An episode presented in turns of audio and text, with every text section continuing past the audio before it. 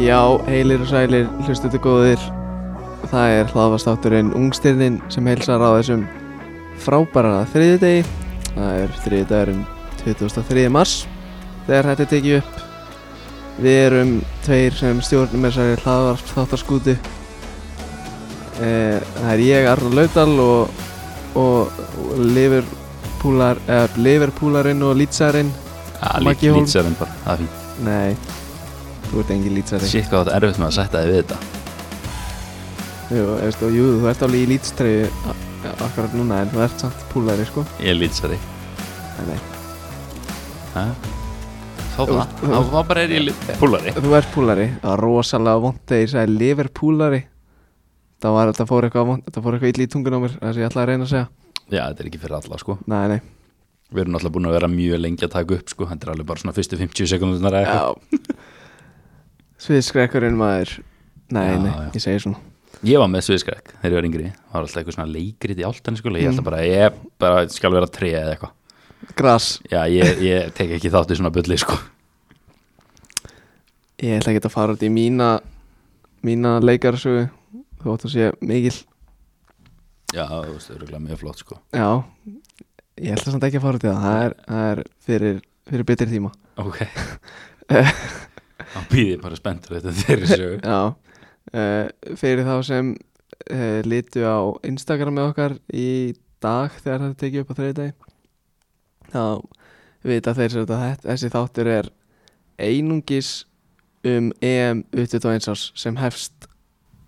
á 50 daginn Nei, á Passa. miðvikudaginn, morgun á morgun opnulegur, hver er opnulegur? Ungarland, Það er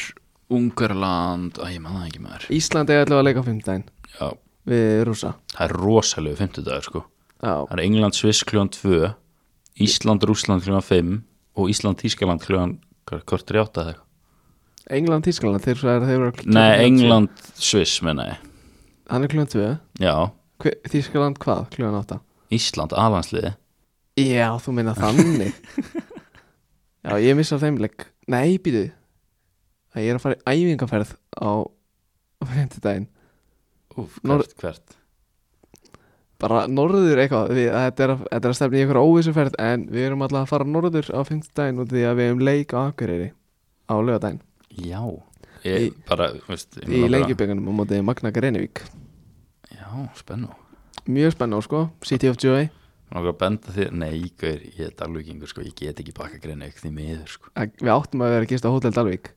Shit, það er skellu fyrir ykkur að missa því Já, Alvöru hótel sko ég held Þú er náttúrulega aldrei gistar sko Nei, rétt, ég hef sann séð það Þú er síðan utanfrá Nei, ég er náttúrulega með gistingu í Dalvík Já, s- í Svaradal Já, já, um og afa um, af, og, og fleiri nágrunum í kring sko Já, já Hver, uh, getur þú nefnt mér tvo fræga dalvíkinga? Eh, Heiðar Helgusson, Atli Viðar Björnsson Ok, ég var ekki að leita að heiðar helgu, ég var að leita að öðrum fyrir utan, all, veist, það var allir viður og einn annar Jón Risa eða, Er hann dalvíkingur? hann er Dalvíkingur Nei, ég var að leita að Friðrik Ómar Eh, Já, Nei, ég held hefði að- ekki það nefnt hann sko Þegar það gefur mér aðeins lengri tíma Já, já En eins og, eins og ég kom inn á hann, þetta er bara ég og Maggi að tala um EM auðvitaðins ás í bara eins lengi og við þurfum, basically Já, basically Þetta gæti orðið klukkutíma þáttur Ólíklegt einn og hálfur tími, Ah, tveir tímar Ég get alveg séð þetta dætt í þrjá sko Já, mi- ef að þú ætlar að sko vera með munnræpu í, í kvöld Já, ég meina, þú veist, ég get náttúrulega ekki bara s- hoppað yfir rúmenana, skilur Nei, nei, Fólk þarf að vita, þú, fólk þarf að vita skilur, hvað ætlar að gera ef þú situr heima og horfa bara, á, þú veist, Rúmeni á Ungverjaland og, veist, og þú ert ekki búin að hlusta nákvæmlega eða ég sagði þér ekki nóg frá rúmenunum þá er þetta bara í brasi sko. Já, já, þú ert í bölvu brasið þá sko en ég er endar það eru nokkuð liðarna sem er ekkert það spennandi sko. Nei, ég, ég sendi þér nú í, ger, í gæra Ég var svona við það að sopna að skrifa, við, skrifa um suma þessu liðum sko Já, það er bara eins og það er það, tökum það bara á En kannski finnst öðrum þeir bara geðið spennandi já, það er- Kannski er eitthvað að hlusta sem er þú veist, hálfur hálfur Ungveri, þeir Ungverji. eru mjög óspennandi Það er náttúrulega auðlýsingastjórin er náttúrulega frá Ungarlandi sko reynda, já, og hvað undir 21 árs landsliðið hans það er samt ekkert að vera farulega spennandi fyrir mér sko Nei, ég bara segja, þess kannski er hann að hlusta og honum finnst það að gera spennandi skil ég held reyndar að mest óspennandi hópurinn á þessum móti sé Slóvenja náttúrulega haldið þar sko þeir fengur bara gefins farmið það sko og voru ekki eins og nýju undankefni Nei, það er rosa takmarkað ekki Ungarland heldur Nei, en þið heyrið meira frá þeim að eftir Sko, viltu, þú vilt bara fara þetta frá reyðli A niður í D Nei, ég ætla að taka B og svo ætla ég að fara í D Já. Nei, bara A niður í D En hérna Stuð, það stuð í gríni á þér í dag, sé ég Já, já, já, já, já, alltaf þessi grínið sko En hérna, já, mótið er sem sagt haldið í Ungarlandi og Slóveníu ef fólk vissi það ekki mm. En stóra málið í þessu öllu Mason Greenwood meitur Já, Drós út úr hóp Hver kemur inn? kongurinn Kongurinn með síða ljósa hárið frá kanari í fuglunum Todd Cantwell Úff Sko, Svo- ég var brjálaður þegar ég sá það Æ, Það var ágætis kynning hjá mér Já, þetta var hörku kynning sko Leðalegt fyrir því að Tótt Kantúlum minn aldrei heyra hana Ágríns en, en ég er fjúming Já, að ég hugsaði með mér þegar ég var að skrifa um England í ger Mm. og svona, mm, ok, ég hef örgulega verið með Harfi Elliot í þessum hóp svo var ég eitthvað svona, mm, hvernig hefði ég tekið út geggjaði sóknarlega England sko Mm. Eitthvað svona, Rían Brewster ég hef alveg hugsað um að svappa þeim sko Þú veist, Mason getur alveg leist strækjarinn eða vesen á Eddie Nketiah sko mm bara Ríða Brúster er 0 mörg skilur Já, á tímabilinu 0 0 vissulega að spila fyrir ógeðslega lélitlið sem spilar enga sóknabólta Þú veist, hann væri öruglega, hann myndi öruglega alveg ef hann væri Leeds þá væri hann örgulega með svona 8 mörg Já, líklega Eða svona eitthvað En ég, veist, ég hef alveg trú á honum á næsta ári sko já já en, en svo er málið, hef ég trú á honum árið eftir það Ef hann verður í prem Veit það ekki ef hann fyrir Leeds Já, ok, fer En ég fór svona að pæla í þessu Todd Cantwell, okkur hann val En ég fór að skoða statsin í ár mm. Todd Cantwell er í besta liðin í deildinni Nótabenni já Yfirleitt auðveldara að skora og leggja upp í, Já. í, í, sérstaklega þar sem hann spilar á kantinum sko eða í hólinni Já, nákvæmlega Hann er með 1931 mínútu í ár já 1931 já, þú veist, þetta eru ykkur er, ég er ekki góður í starffræði sko, þetta er svona 22-3 leikir samtals, þú veist, ef hann hefði spilað 90 alltaf hann er með 5 mörg og 3 assist ég get alveg sagt þér það að það er ekki 22 leikir búin í Championship sko nei, ég veit að það eru fleiri leiki búnir en þú veist, hann spilaði ekkit alltaf allan tíman og hann er búin að vera meittur og missa leikjum ok ok Þannig. ok svo er Harry Elliot hann er með 20 wow, 2321 mínútu mm, 26 leikir, eitthvað þannig ok 27, eitthvað, ég veit ekki, hann er með fjórum, fimm leikjum meira Mm. þremur, eitthvað Þetta, Já. ég kann ekki í starffræði, hann er með Nei. fimm mörg, jafnmörg mörg og hann er með tíu stóðsendingar, hann er næst stóðsendinga hæstur í deildinni í einhverju miðjumóði með Blackburn sko. Já. Þú veist, hann var- þeir voru kortir í fallbaráttuna fyrir svona tveim hugum mínir menn í Blackburn samt geggja er, en af hverju er Todd Cantwell valinn? Mér er alveg sama þó Harfi Elliot væri skilur lang yngstur á þessu mótið eða whatever sko Já, hann væri, hann væri bara þú veist, það er alveg, það er alveg nokkur 2003 móti að lása móti sko Já, Nei, 2004 með þessa Já, passar komum betur á hana eftir það ekki Já, já, En uh, allan að ég er búin að koma þessu frá mér og ég brjála já, mínir menn í Blackburn maður Ég vann meistartildana með þeim í Fútbol Manager svona 2025 Þú varst í, ekki með í- David Ræja í markinu allan tíman eða? hann, hann er náttúrulega í Brentford sko Hann var náttúrulega í Blackburn sko Já, jú, ég var með David Raya í búrinu Shit, Er bara neta í hausnum að þeirra Nei, nei, nei, nei, alls ekki Og ég, gaur, ég, sko, Adam Armstrong var bara skori í meistartildinu fyrir mig sko Já, ég mann eftir þess að þetta var indóðisla Sá er að performa í ár sko Já,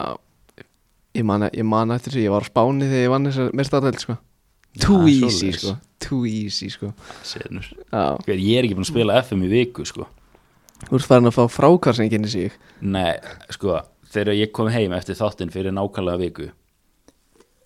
Þá minnum að ég hef verið að sofa En svo daginn eftir það Þá startaði ég nýju GTA 5 seifi Já, Ég er búin að vinna leikin Undir vika sko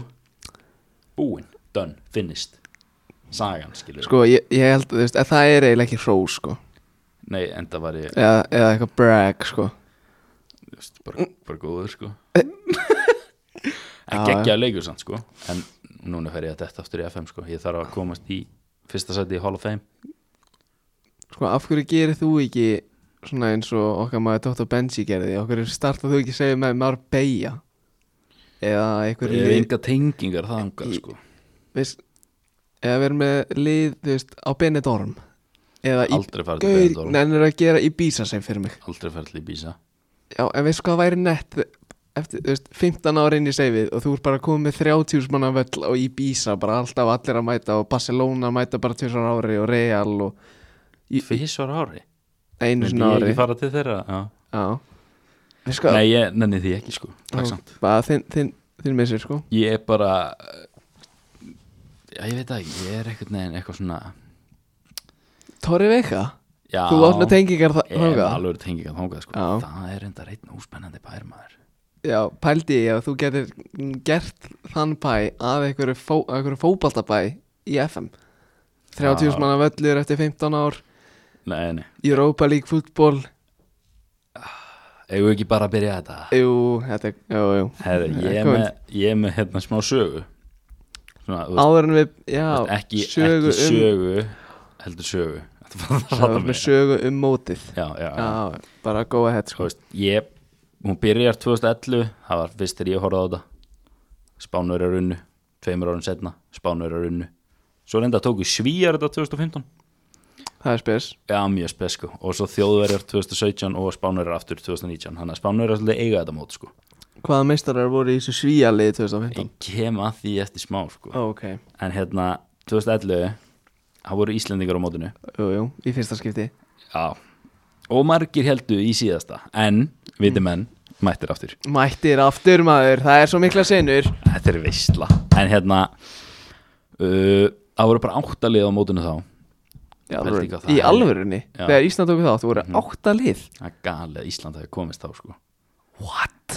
Pældi í hvað hefði samt verið tíu sem öðuldra að vera með þáttum þá heldur en núna Já, þá er þetta bara Já. fjögur og fjögur Bókstæla helmingi öðuldra Já. En hérna Já, það voru bara tveir reyðlar uh, Við endum í þriðja sæti Í reyðli með Sviss, Kvítrúsum og Dönum Já, Tvö lið sem fóru upp úr þeim reyðli Danir enduðu neðstir Senur já Sviss vann Þetta var líka riðilinn. haldið í Danmarku eða ekki? Jú, haldið í Danmarku og eh, Sviss vann riðilinn og hvítrúsar fóru upp á markatölu Djúl, það er röf þeir maður voru með þrjú stig, við vorum með þrjú stig Dani með þrjú stig og hvítrúsar með pluss einn í markatölu, við með 0 Dani með mínus einn,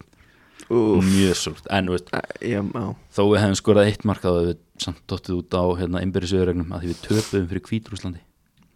áfram gag Það er ekkit spes Nei, alls Tappa ekki fyrir hvítar og slett í fótbolta en þú veist, þó þetta hefði bara verið 2011 pældi hvað þetta var eitthvað outdated átta lið, beint í undanúsletti riðilinn, það var ekki þú veist, lið mótsins, það var ekki til það var hópur mótsins Hópur Mósins það eru 23 í hóp mótsins Það er þetta mjög þróta ekkert smá, þú veist, Já, það ja, 23 sinnum átta og það voru 23 valdir í hóp mótsins já, Kolbjörn Sigþórsson, komst hann þetta þangað já, kongurinn gaman að benda á það Ek- Engin gilvi Nei, hann var eini íslendingur sem komst í hópin og vann nokkuð mata vann leikmaður mótsins en svo, Sákongur svo var ég endanlega dregin inn í þetta bull 2013 þá ég held ég að horta á alla leikin á mótinu Í alvörunni já, það, þetta, var, þetta var minn tími sko Já, og englendingar, þeir fóru heim með 0 stig og 1 mark í riðlinum ha, töpuðu 1-0 á móti Ísrael hvaða meistarar voru í þessum hófi Jordan Henderson, Já, ég held að hann hafi verið svona stærsta nafni, ég held að hann hafi verið með bandið þarna Uh, King Hendo maður Svo var einn algjör kongur með bandið hjá Spánverjum á þessum móti á Tiago Alcantara Vá, hann er búin að vera einn minn uppáhaldsleikmaður síðan uh, á, síðan á þessum móti síðan ég var 12 ára og hann mætir í úslitaleik á móti Ítölum varst ekki 13 ára nei, ég ámæli september sko til að vona mótið það hef ekki verið um jólun sko Ekki, ja, minnst það ólíklegt Katar En, hérna, ja, mætir í úslitaleikina á móti Spánverjum kom með fullkona þrennu eftir 38 mínútur Ólíkt honum Það veist, wow Já. Ég man eftir þessu að þetta hefði gæst í gær sko Gemur eitthvað bolti inn í Hann bara hoppar upp og skallar hann Bara El- Ellert Hreinsson stæl og mútið elliða í lenginni fullkomna þrennan stæl Basically sko Já, Allavega hana, þeir vinna leikinn 4-2 uh, Tiago valinn player of the tournament og mm. veist, þá sá maður bara langa leiðir þessi gæði var ekki frá að sitja á bekknum með Barcelona mikið lengur sko. Nei. svo mánuðið setna er hann keftur á 20 eða eitthvað til bæjar Mm. sem eru svona 40 miljonir í dag já, Þú veist, 20 miljonir þá og svona 40 í dag veist, ekki spyrja mig sko, ég er ekki eitthvað svona kalkulator gæði sko. það er bara svona cirka en 2015 það er, það er ástæðan fyrir ég ætla að leifa mér að dreyma fyrir þetta mót sko. ok, svíjar vinna mótið þeir eru með þrjá leikmenn í liði mótsins voru þeir á heimavelli eða eitthvað ég maður ekki sko. en þú veist, þarna var komið skilju 11 manna lið mótsins þeir áttu þrjá þar af Viktor Lindelöf Filip Helander veit ekki hver það er og Óskar Leviski hann er held ég að spila með Ísaki Bergmann í dag Var það- já, e, og svo erum við með John Gudetti upp á topp sem vann bronskóin það er reyndar alvöru mistari fyrir, fyrir leikmaður sitt í eða ekki jú, hann var hér í sitt en þetta var já, pældi í þessu, þetta lið vann mótið sko Eri, þú ert bara búin að selja mér það ég ætla að leifa mér svoleiðis að dreyma á þessu móti ég er búin að vera að lefa mér að dreyma bara þú veist, síðan fyrir tapið á móti Ítalíu heima sko, í umdnakefni já, en já, wow en svo reyndar komu þjóðverjar og, og spánverjar og tóku næstu tvö en, en já, það er allt hægt, það er allt hægt þú veist, það er enginn að segja mér að þú veist, eftir nokkur ár þá verði Ísak Bergmann ekki af stórt nafn og Óskar Leviski í fókbalta það heiminum í verður dag sko. stærra nafn Já. Átó Andri Fannar og Alfons Samstæði væri komin í premmanna hér í bakurinnum og hann er náttúrulega ekki að fara að komast í lið mótsinn sko. jú, jú, jú ég er að leiða mér ég, ég ætla að leiða mér að dreyma það er alltaf hægt að viljana fyrir hendi sko. já, en fyrir þá sem eru heima núna það eru bara eitthvað, mér er alveg sama hvað gerist fyrir 20 árum skilu eða fyrir 10 árum eða eitthvað og er bara, mér langar bara að horfa á þetta hvað getur að horta á þetta? það var að myndi vera að spyrja með því í gær Já, hún getur að horta á þetta á rúf Þetta- er það alltaf rúf? Nei, þetta eru, Úf, þú veist þú missir basically af helmingnum af leikjunum það er ekki nógu mikið segðu mér að útláta kæmni sér öllana ég- hann veit ekki hún í sumar hvað heldur ég sé Já, bara með eitthvað alveg rétt. tengilið á rúf eða? ég þarf að heyri mínu manni Gunnar Birgis Já, ætla hann viti þetta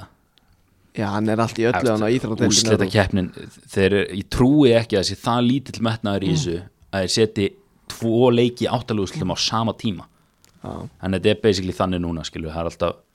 eða eiginlega alltaf núna sem eru allan á fyrsta daginn, þá eru tvei leiki klúan 5 tvei leiki klúan 8 ok, þannig að það er, en þú veist það verða alveg leikir á þessu móti sko já, Holland, Þískaland, wow, senur get ekki beðið sko, Ísland, Frakland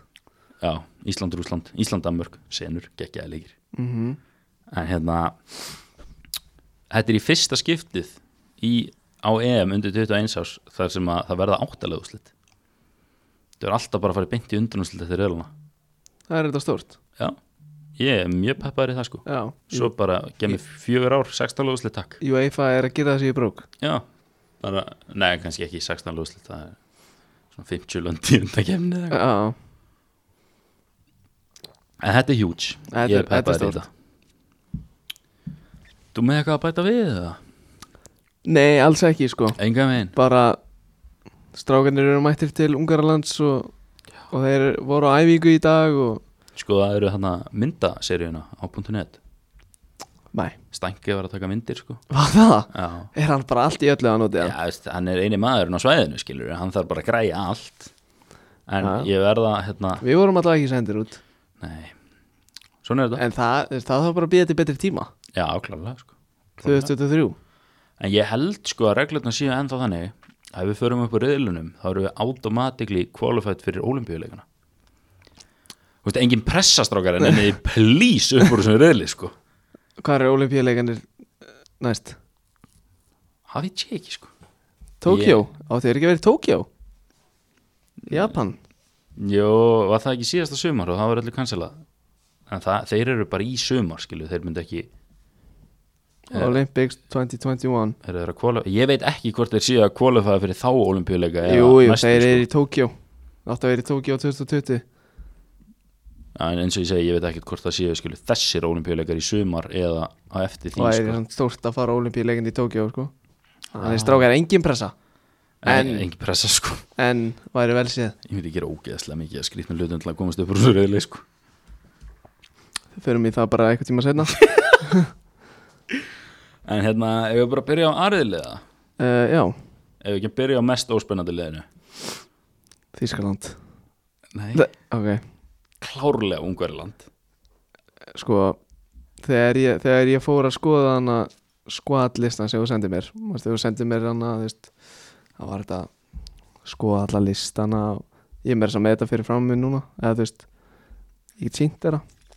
Ég man ekkert hvað þú ert að tala um sko. Nei, en sem sagt sko, þegar ég ítti á Hungary þá Já. kom listin af liðin ekki upp Já, það er svoleiðis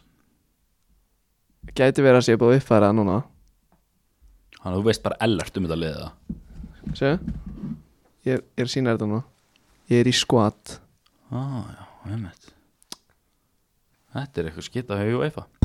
En, hérna- en ég skrifaði samt einhvað Ok, en hérna eiginlega bara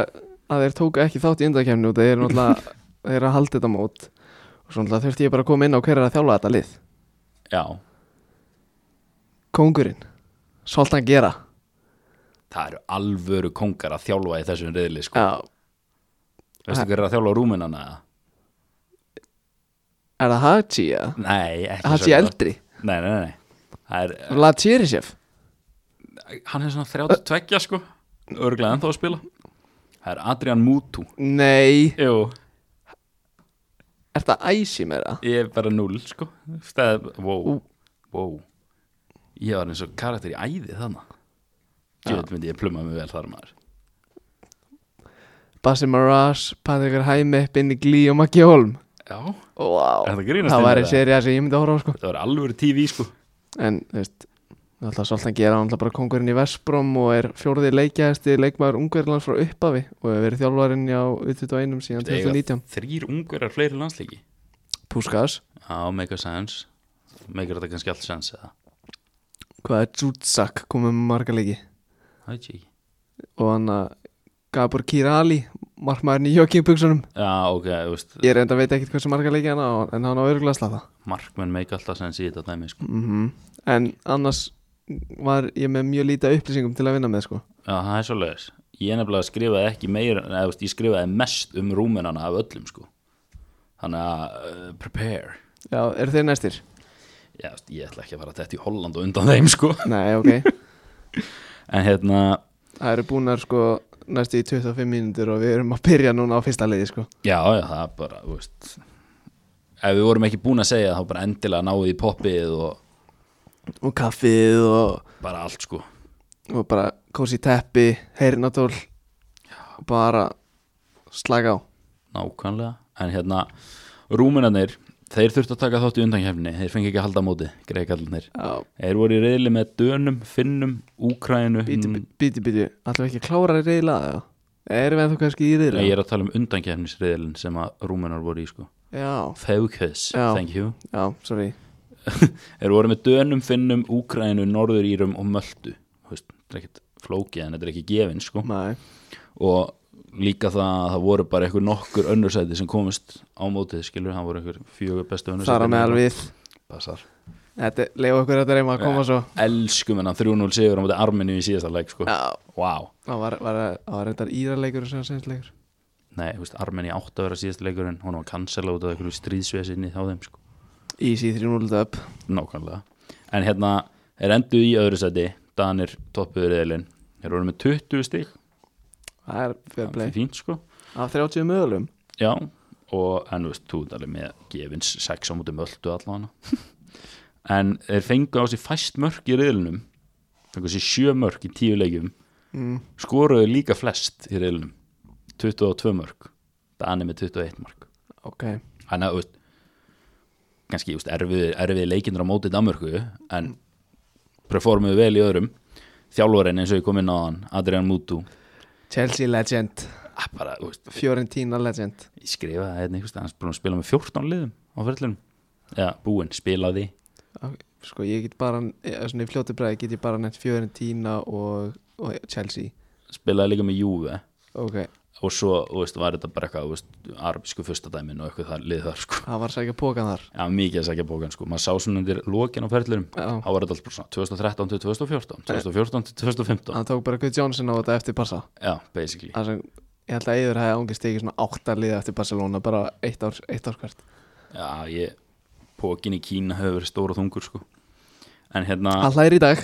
Já, já. En uh, hann tók við liðinu í miðri undankefni og kom þeim á stórmót, annars væri ég ekki að tala um þá. Nei, nei, Og hérna, hann byrjaði þjálfaraferilin hjá Voluntari í heimalandinu og eftir 11 leiki þar, þá fór hann til Al uh, Vata FC Abu Dhabi Reverse. Nei, Reserves, ekki Reverse, Já. Reserves. reserves, ok Þú veist, ha, hann var að þjálfa varalið hjá Al Vata Abu Dhabi. Póki. Abu Dhabi Abu Dhabi, hvað sagði ég? Abu Dhabi, bara eins og leikmaðurinn sko Já, Abu ég Dhabi sem ætla var í ekki að- Arsenal ég sko ætla ekki að bakka með neitt sko, hann Nei. er minn maður En hann var þar í eitt og hálft ár og svo tók hann við rúminunum og þú veist, byrjaði með liði 4-3-3 en síðasta leikja með móti dönum þá fór hann, gerði hann eins og margir ver- hafa verið að gera, fór í fimmannakerru Tjöld, undirbjóstu þið mikið fyrir þetta maður enda ekkert eðlilega peppaður í hann að þátt sko Já, ég sé það maður Þetta er Ég svo ekki- mikið mitt element, ég, sko. ég er ekki með Ég er ekki með sko í, í hvaða kerfi þeir voru Hvort þeir voru að breyta og, og eitthvað svona Ég er bara með þetta svolítið straight forward sko Já, þú veist, eins og ég sagði, þetta er svolítið mínir menn á mótinu sko Já, ekki sofa en hérna þú veist, fyrsti leikurinn er um þetta hollendingum ég er alveg tilbúin að setja húsið á það þó ég er ekkit í því sko þá er ég alveg tilbúin að setja það á að hann sé ekkit að fara úr þessu fimmana kerfa á móti þeim sko en svo er hörkuleikur á móti ungurum í leik 2 þar vil ég sjá þú veist, Bara, bara 3-6-1, bara blúsandi Já, sóknabólta, veist. hálína, pressa, pressa, pressa ég verð mjög vonsvikinn ef hann heldur sig við fimm varnamenn þar Já, en hérna þú veist, rúmennarnir, ég var svona þegar ég byrjaði að skrifa þá var ég alveg ok, það er alveg leikmennarna svo áttaði maður að þeir eru ekkert með neitt bilað alanslið þannig að þeir voru náttúrulega allir þar sko já, og þú veist, blóðtökurnar hjá þeim eru já, þú ert með lið sem ég er ekki með Blóðtökunar já, já, já, þær eru svona þú veist, þær eru mismunandi skilu, þær eru miklar hjá rúmennum, en þú veist, ég nenni ekkert að fara að vorkina liðum eins og spáni sko Nei. mér er alveg sama þó ansvo fati sem eittur þegar ég er alveg að geta drullað ykkur upp úr þessum reyðli sko Já, en hérna uh, leikmenn Parma tveir í Parma, minnst það, og mjög skemmtilegt sko. Já. Dennis Mann og Valentín Mihaila uh, svo síðan nefndi hann var markaðistur í undankefni hæðum og keftur hann 8,5 miljónur eura uh, fyrir tímanbili til Parma og Dennis Mann geggjær í FM Mm. hann Man er, eftir hann honum er þar, sko. svona FM legend Já, hann, hann kostaði 13 miljónur eura keftur í januar Þú veist, þetta eru rúmenar sko. Frá stója eða? já, já, já Úst, þetta, þetta eru 20 miljónu pluss fyrir tvo rúmena sko, í lið sem er að falla úr seri A sko, þetta er alvöru kæs Já, og kefti líka Joshua Sörksi frá bæinn já, ha, nei, ég var hann ekki á láni Já, ég held að fyrir þessi tíma byrja á 15 miljonir eða það er svo leiðis, eitthvað Já, shit, sá er að hlæja bara alla leið í bankan, maður leiðin í seri B og bara hefna laf, sko, já, en svo er þeir að missa Janis Haji, en úst, missa hann og ekki missa hann, hann á einhverja eh, alveg slatta af úst, tíu alansleiki eða eitthvað mm. en hann er búinn að spila stóra rullu í liðinu hjá Rangers í ár sem eru ennþá undefeated í dildinni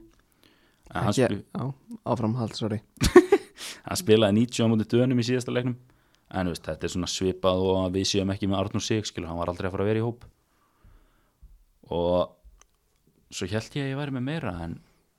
Nei, Þetta er bara yfirdrið nóg, sko nei, nei, ég er með miklu meira um þá yfir höfuð sko. ég held ég væri með annan í blóðtökunni Já, sko. ég var að fatta að við um eftir að fara í þú veist, key player og hver, Já, já, wants það- to watch og það er minn maður, sko. já, líkil menn mm, Andrei Vlad það er, ég held að það sé bara þinn maður á móti nummer eitt sko við að kannu þú vera að tala um hann sko. Andri Vlad uh, leikmaður stóði á Búkarest hann er markmaður, fætti 99 uh, og þetta, þú veist, þetta verða hans síðustu leikir í yngri landslið hann er bara verið of gamall í miður hann er 1.90 búin að spila 26 leiki í ár með stóði á Búkarest 97% af mínútunum eða eitthvað 16 mörg fengið á sig 15 sinnum haldir hreinu bæn, Hann hatar að fá þessi mörki sig hann gjör sannlega undankeppnin, spilaði 8 leiki fekk þessi fjögur mörg, held, held fjóru sinnum hreinu Hann hatar að fá þessi mörki sig sko. þetta er ástæðan fyrir að hann er minn maður sko. Já, uh, á EM 2019 þá hérna uh, djúvill varstu að grafa djúft maður já, já, já, á EM 2019 þá var hann uh, varamarkmaður hjá Rúmunum, hann, hann var í hópnum þá en Ian Udratu var markmaður Rúmuna þar, hann er varamarkmaður eða eitthvað hindi Mílan í dag Já, og ef að mínir menn í Rúmeníu ætli upp úr þessum riðli þá þarf Vlad bara helst að halda hreinu til þessari röð sko, Já, allavega tvisar sko að mínimum sko en ég- hver er að fara að skora mörkin sko veit ekki með það Nei, en svo er reyndar einn svona ösil hjá þeim Olympio Mort, Mortua Morutan heitir hann já, er þetta þessi rúmenski ösil þetta er rúmenski ösilin sko hann er líka að stója búkarast Bara svona eins og svona 90% af liðinu já, þú veist, ég held að stója sé alveg stoltur að sína mönnum sko. já, Já, já, já, man, já. ég held að sé fáur á æfingarsæðinu á þeim í dag getum orðað það þannig hann er líka fættur 99 uh, spilaði fyrsta leikinn sinn með U21 landsliðinu 17 ára og svo spilaði hann fyrsta leikinn sinn með undir 19 ára liðinu 7 mánuðum setna hann byrjaði að debuta með undir 21 og mætti svo í U19 Kongurinn bara En það er ekkit eðalegt í það sko En hann er með 12 assist og 6 mörk í rúmensku dildinni með í 26 leik, nei 23 leikjum í ár Það er náttúrulega gert að bíla tölfræði sko, var orðið að vindi Mílan í januar og fjekk tæpar 90 mínútur samtals í undankefninni hérna 2019 Wow já, herri, þetta er bara hætt enginn að hreyfa sig þannig að fyrir undankefnina síðast þá var hann bara 17 ára eða eitthvað og Já, þá var hann að byrjaði að spila en eins og ég var að tala um hann að keppna þeirra 2019 ástæðan fyrir að þeir eru mínir menn sko, þeir fóru í undanúslið þar Herri, já, ég tók nefndar eftir því takk fyrir pent sko Já, og svo er ég með svona fun fact hjá flestum liðum Já. svona aðeins í lokin ég, ég hendi því bara svona ef ég væri stuðið fyrir það Já, já ég, þú veist, það var einhver staðar þar sem ég bara fann ekkit, þú veist, eitthvað svona það var bara ekkert spennandi að frétta og það bara sleppti ég þeim lið, sko en Já. 2019, á móti englendingunum í reyðlinum, þá var uh, staðan 0-0 eftir 75 mínútur veistu hvernig leikunum fóru eða? Nei, Nei, hann endaði 4-2 fyrir rúminum komuðu sex mörg á korteri Já, Það er þetta ansi skemmtlegt það er galið, sko Mér finnst það mjög gaman Já, En því miður, kæru hlustendur þá er ég búið með rúmanunni í bili Ég mæli bara með að fylgjast með þeim, þeir eru að leika á morgun sett í dag þegar menn hlusta á þetta þá já, í dag, Holland, Rúmenja takk fyrir pent, á miðjökuti klukkan fimm minni mig bara tune in ég er að fara að horfa á þann leik sko bara, úst, sorry þeir sem að yfirmennindir í Jóa sem er að hlusta en ég verði ekki úst, ég verði ekkert að selja mikið frá 5 til 6 á morgun sko, er, er hann síndur að rúfa? hann er síndur á Rúf 2 held ég, en það er eins gott sko eða þeir eru að sína Ungariland, Þískaland og Urlast sko, Já, já en annars bara slaggur sko Býtu, Hvað hva er næsta lið? Er það, er það Þískaland? Eða er þetta að fara í já, ég ætla að leifa þér að taka næsta sko ég er þannig að ná andanum sko, ég er aðeins bara úst, Býtu, riðlinn er Þískaland, Ungverjaland, Rúmini og Holland, Holland Þá skal ég bara taka Þískaland þar sem þeir eru með ótrúlega óspennandi hóp Nei, ekki samanlega Ungverjaland Þískaland er klukkan átta og hann er síndur Ég er brjálaður Þú strýmar hann Þú strýmar Holland, Rúmini Þetta er gjörsanlega búið að eðalega daginn fyrir mig sko. Þegar við tökum upp eftir viku þegar reyðlakjarnir eru búin og ég fæ ekki tveggja blað sína skýslu um Vlad Marfmanninn Oh my god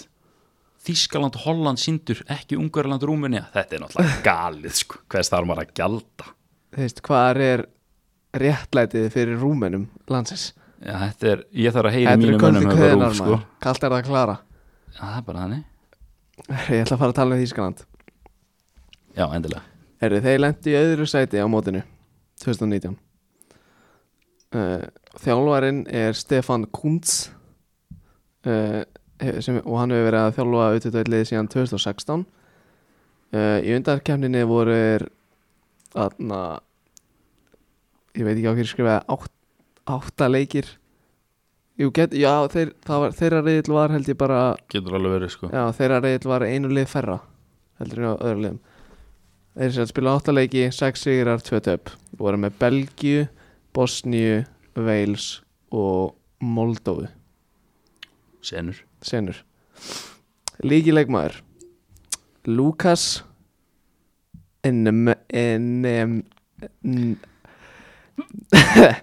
Lukas Nemetja Já. fættur 1998 Eh, Þetta er frammeir í Anderlegt í Belgíu sem er komið með 13 mörk í 28 leikjum á tíumbilu og hefur verið í leikil hlutverki þar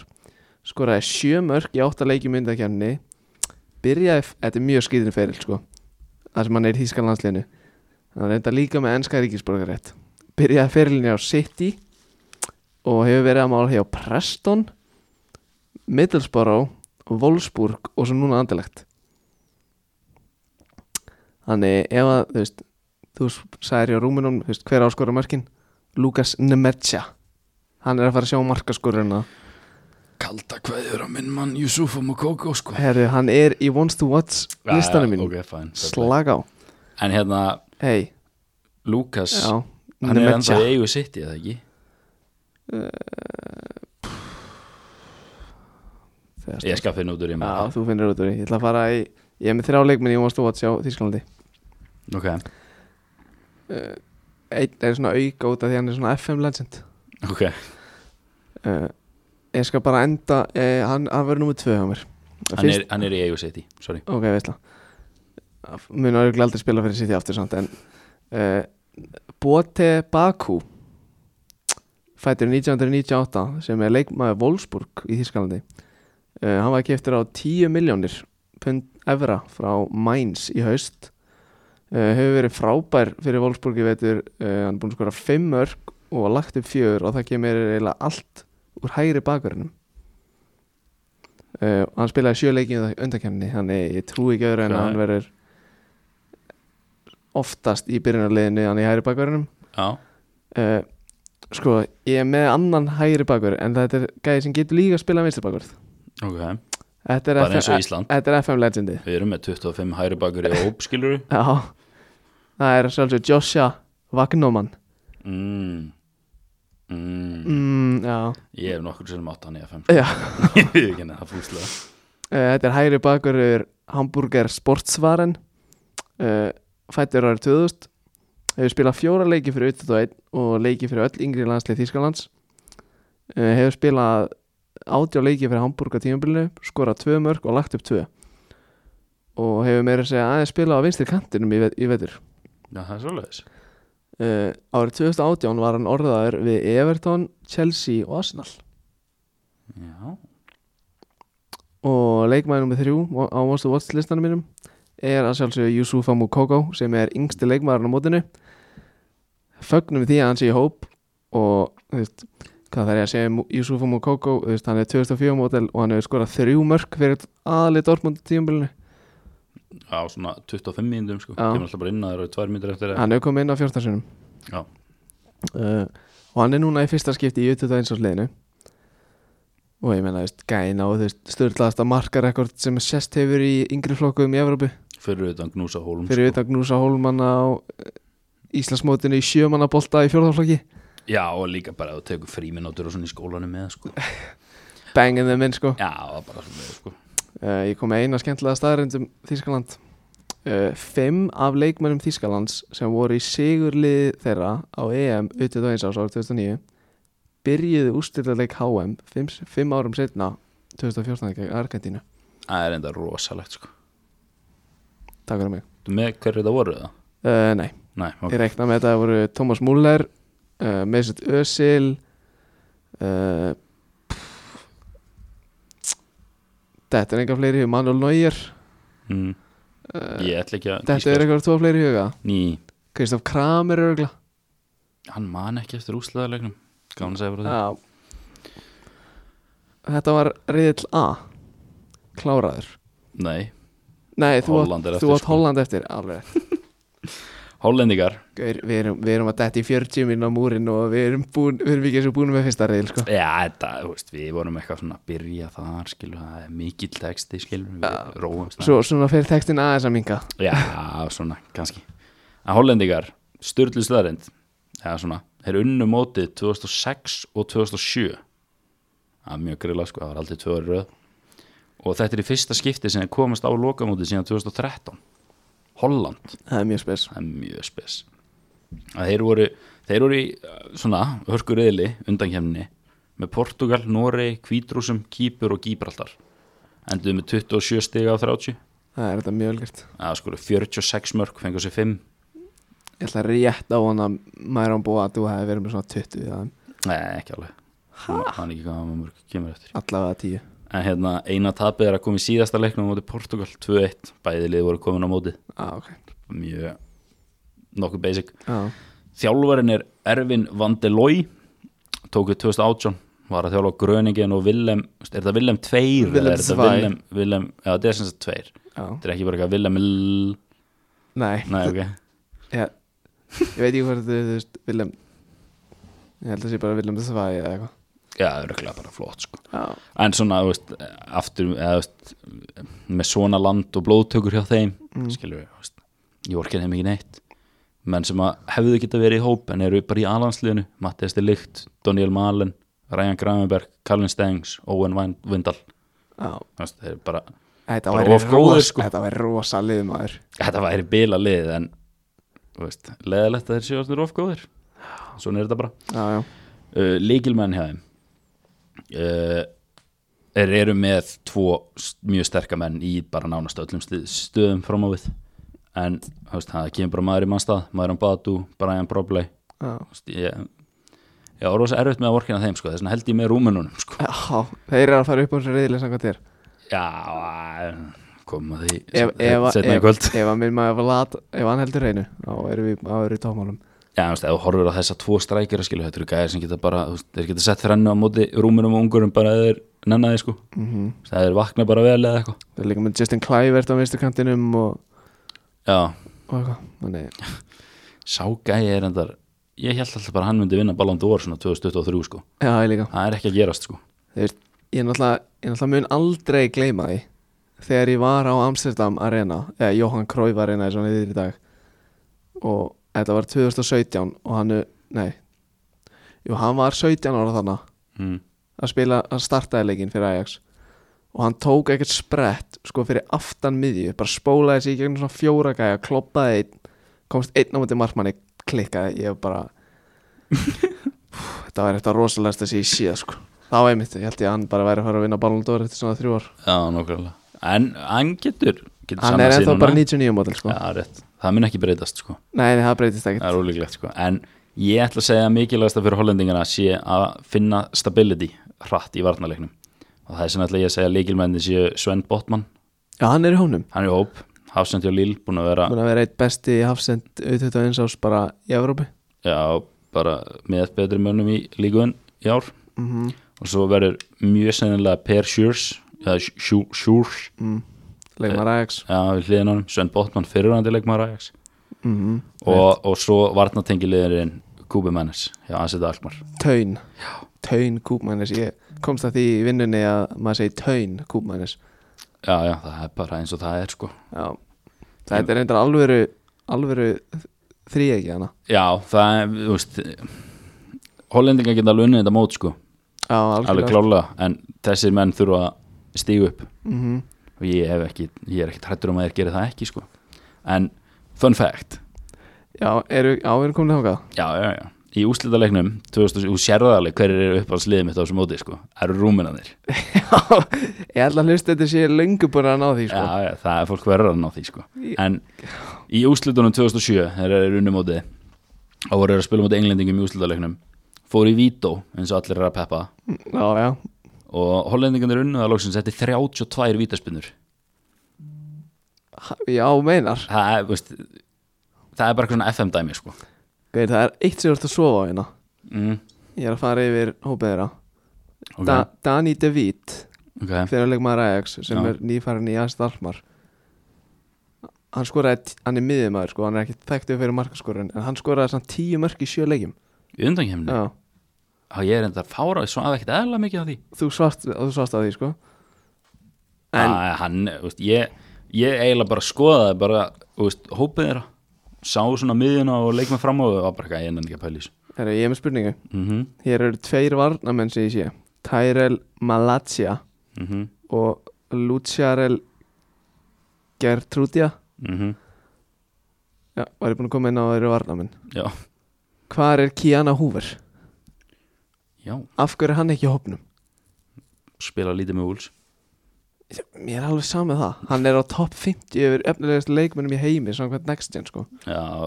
ægilegs mór íbæði líki 50. sæti sko ég, en ég mun aldrei jafna mig á því sko Nei, nei Æja, En, en já, alveg, Já. valið punktu, ég hef alltaf tekið það með, getur spilað hann með Hafsend, hægri bak, vinstri bak farið þryggjamanna kerfi, Já, Hafsend, vangbakverður, whatever, sko. nákvæmlega Þetta er valið punktur, sko, Takk ekkert málið. njóttu vel Bjerill, Já, við erum komin þangað já ég er ekki að byrja þar ég er klárlega með mest óspennandi liði þar sko. Slovenia Já, Heru, og, sko, ok, þú veist með allri virðingu fyrir þinni vinnu að slóðanum, mm, þú veist, ef við ekki svolítið bara rúlla svolítið svona þægilega Jó. yfir, yfir þessi lið undankefnið tók ekki þáttur voru átum með mið á móti Já, þjálfarinn var direktor á fútból tók við þeim í fyrra, spennandi, fyrsta gigið hans hann er ekki að fara að gera neitt blóðtökur, það er eitthvað gæi, Jaka Bísilov eitthvað, hann er að spila í Bundesliga 2 hann á 13 anlegsleiki, hann var aldrei að fara inn á hann hóp, þú veist, skellu fyrir þjálfarinn og þetta er, líki leikmenn þeir spila með Rapid Wien og, og NK í Sjele í heimalandinu þú veist, eh, er miðjumæður hafsend ok spennandi uh, og svo slefti ég fun fact að það er ekkert spennandi við þetta liði, ég var með lovorð þeir fara aldrei upp úr þessum riðli búinn, takk fyrir bent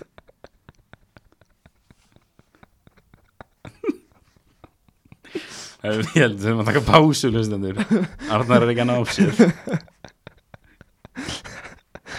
Herru, Ég ætla bara að rúlla yfir tjekkala ah, Erri, þeir tóku þátt í undakenni Já, um,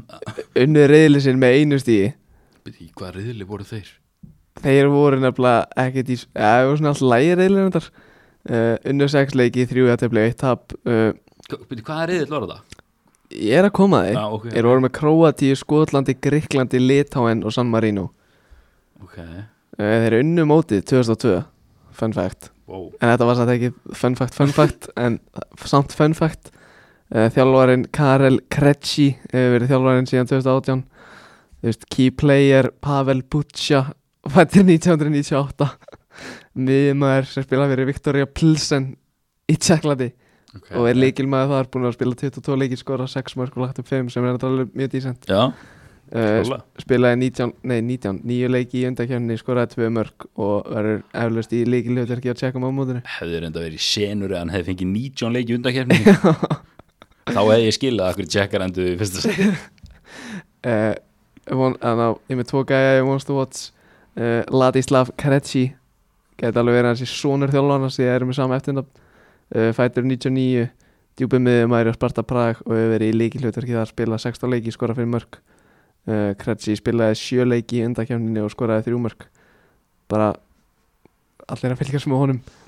glemdu því sko mínu auga verið læst á rúminana Já, já uh, Svo er þetta 0-3 model í þeirra hóp sem, Ó. sem mér er stálega spennandi það er Adam Karabek og þeir finnst 0-3 mótilin spennandi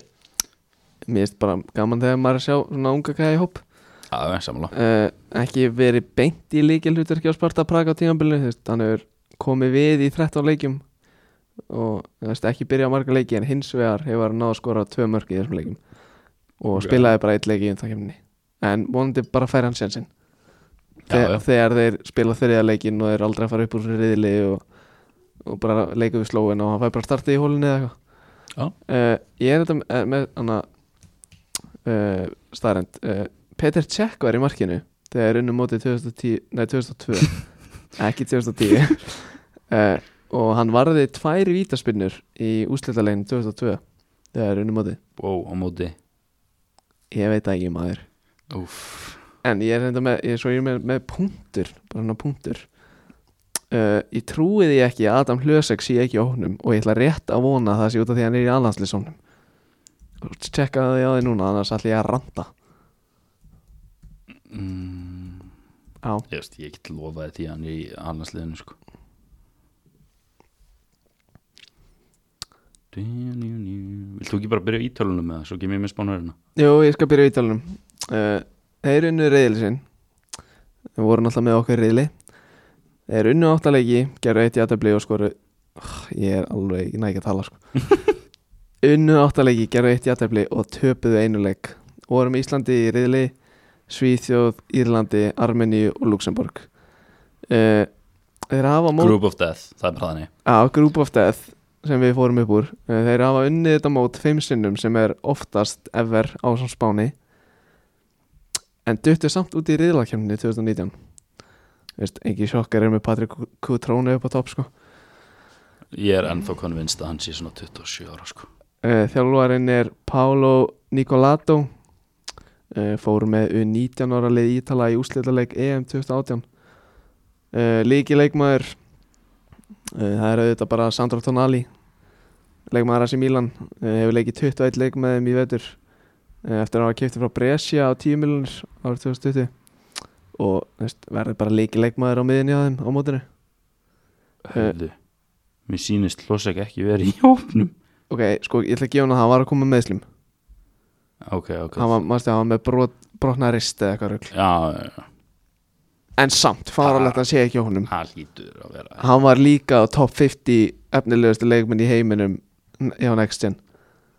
Já, passar þannig leikmenn eiga bara að vera í þessum hópum Hjá next, þetta er hjá gól sko já, þetta heitir Next Gen Já, já, hjá goal.com Alla... Alla- þeir vel ekki í hópana sko nei, nei uh, Once the Watch uh, markaðasti leikmaður Ítala í undarkenni það er Gianluca Scamacca uh, skoraði sex mörk í nýju leikjum í þessar undarkenni uh, þú veist, ég sett hann bara á Once the Watch listan út því að hann var markaðastur í þessar undarkenni því að hann hefur ekkert verið frábær fyrir hönd Genoa á þessari leikti Í, uh, skor, uh, skora fjögur mörk og eitt assist í 19 leikjum sem er ekkert frábært sko í en svo er ég með einn annan það er Nicolo Rovella Sá var góður á móti Íslandi maður já, ég Einhverjar skrifaði Ljósa krullur hann ég skrifaði í textanum trú ekki öðru en að byrja allavega tvo leikirilinum var gjössanlega frábær í fórsvæðinum þegar Ítalar Ítalir unnu okkur 1-2 og er nýlega gengið til þessu Juventus en fer þanga eftir sísón eftir að Það er svoleiðis vissur það ekki uh, Juve eru búin að kaupa hann sko Getur vel verið að ég hafi séð það já Ég ætla ekki að ljúa neina, ég maður myndi það ekki sko Nei, en ég man bara eftir því þegar ég var náttúrulega textalýsa í Ítali í Ísland skilur Ok, ég held að hlustendur sem hann heyra það oftar heldur en ég fílu Rúmeníu sko og maður sá það bara ok, þessi gæði er ekkert aðeins lagur Ég er enda mann eftir, ég talaði að Alex eftir leikin Já, Við vorum hann í miðju baráttunni mm, Hann var bara "Njá, veist, Mér fannst hann ekki svona góður sko Mér nei, fannst hann að flýtum bolta og allt það en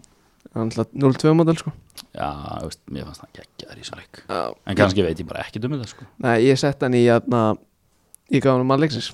Já, það- já ég skil það bara nokkuð vel sko Já, herru, í spánuverina með þig Já, besti árangurinn er að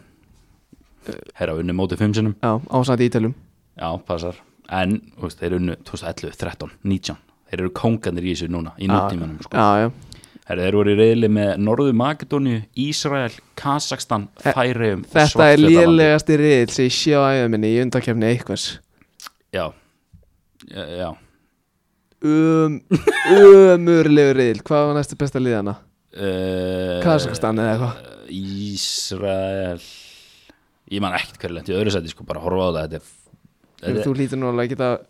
geta fatta það með að fatta hvað líður á mótinu Nef, nefndu Nei, það komst ekki, þú veist, annarsætið komst ekki á ah, mótið í okay. þessu reyði mega sens, mega sens En Spánverjar er endur með 28 stig já, þeir gerir sér að þeir eru unnu nýju og eitt jættafli Já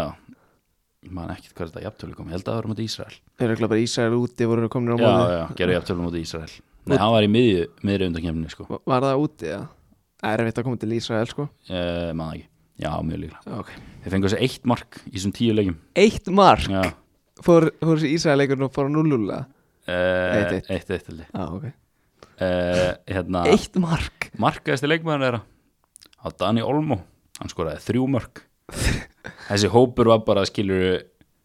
hann var, hann var aldrei eins hann var reyfalegt afl eins og Óskar, Óskar Já. Rapp segir alltaf klárlega sko já, hópurinn er, hann er reyfalegt afl og hann getur verið svona í dag og svona á morgun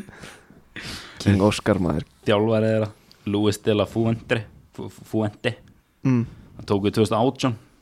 vann móti með hann 2019 uh, hann er með sturdlaða upphandleggi hann, hann er once to watch hjá spánurum samkvæmt mér ruggla dæmi sko hann passar ekki í neina bóli sko ekki, það er bara, þú veist, það er bara gata á öllum eða svona, cirka, skilur mæli bara einfallega með að spotta þetta sko. uh, ok þetta er just, blóðtökurna, þetta er svipa á hollendingarnir Já, veist, vorkin nefn ekki neitt Veist, Ansu Fati, Petri, Ferran Torres Dani Olmo, Brian Gill og Erik Garcia gjaldgengir, allir í spænska A-hópnum nema Fati mm. uh, en Moriba sniðgengin, það er bara þannig já, já, ha, sko sæmilega nýfasetti það eru þrý leikminni í hópnu þeirra sem hafa aldrei spilað með undir 21 landsliðinu og það er galið að hann sé ekki eitt þeirra ég er brjál hverjir eru það, er ekki Mingu Esa já, uh, varamarkmaðurinn þeirra eða þriði markmaðurinn þeirra er, minnir mig. ótrúlega satt þá er ég með leikmann, þá er ég með hópinn fyrir frá mig núna. ok, veistla það eru tveir varamarkmennir já, og mjög guðs og Minguesa er svo líka, eru þeir eru með miklu fleiri sko nei, nei, bara nei Josep Martínez Alejandro Dominguez, Oscar Minguesa uh, Manu Garcia uh, Ricky Puig Ander Baranexta uh, Abel, nei og svo Jeremy Pino það eru Ah. sex gæjar hann sko ég er náttúrulega að fara að double checka þetta sko býðið aðeins, ég þarf að afsanna Arnar hérna international matches, þetta eru þrýr leikmenn Gaur, ég er bara fært í UEFA sko Já, þetta er bara undankefni núna skilur þetta eru allir undir 21 árs landsleikir hjá spánurum uh, pakka saman en svona er lífið Þetta skilur er bara spjald á UEFA sko þú getur ekki, nei, þeir eru statsin þeirra eru bara úr undankefni í ár þetta eru allir undir 21 árs landsleikir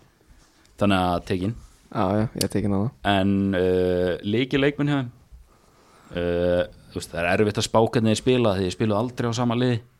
en ég mælu með að fylgjast með Brahim Díaz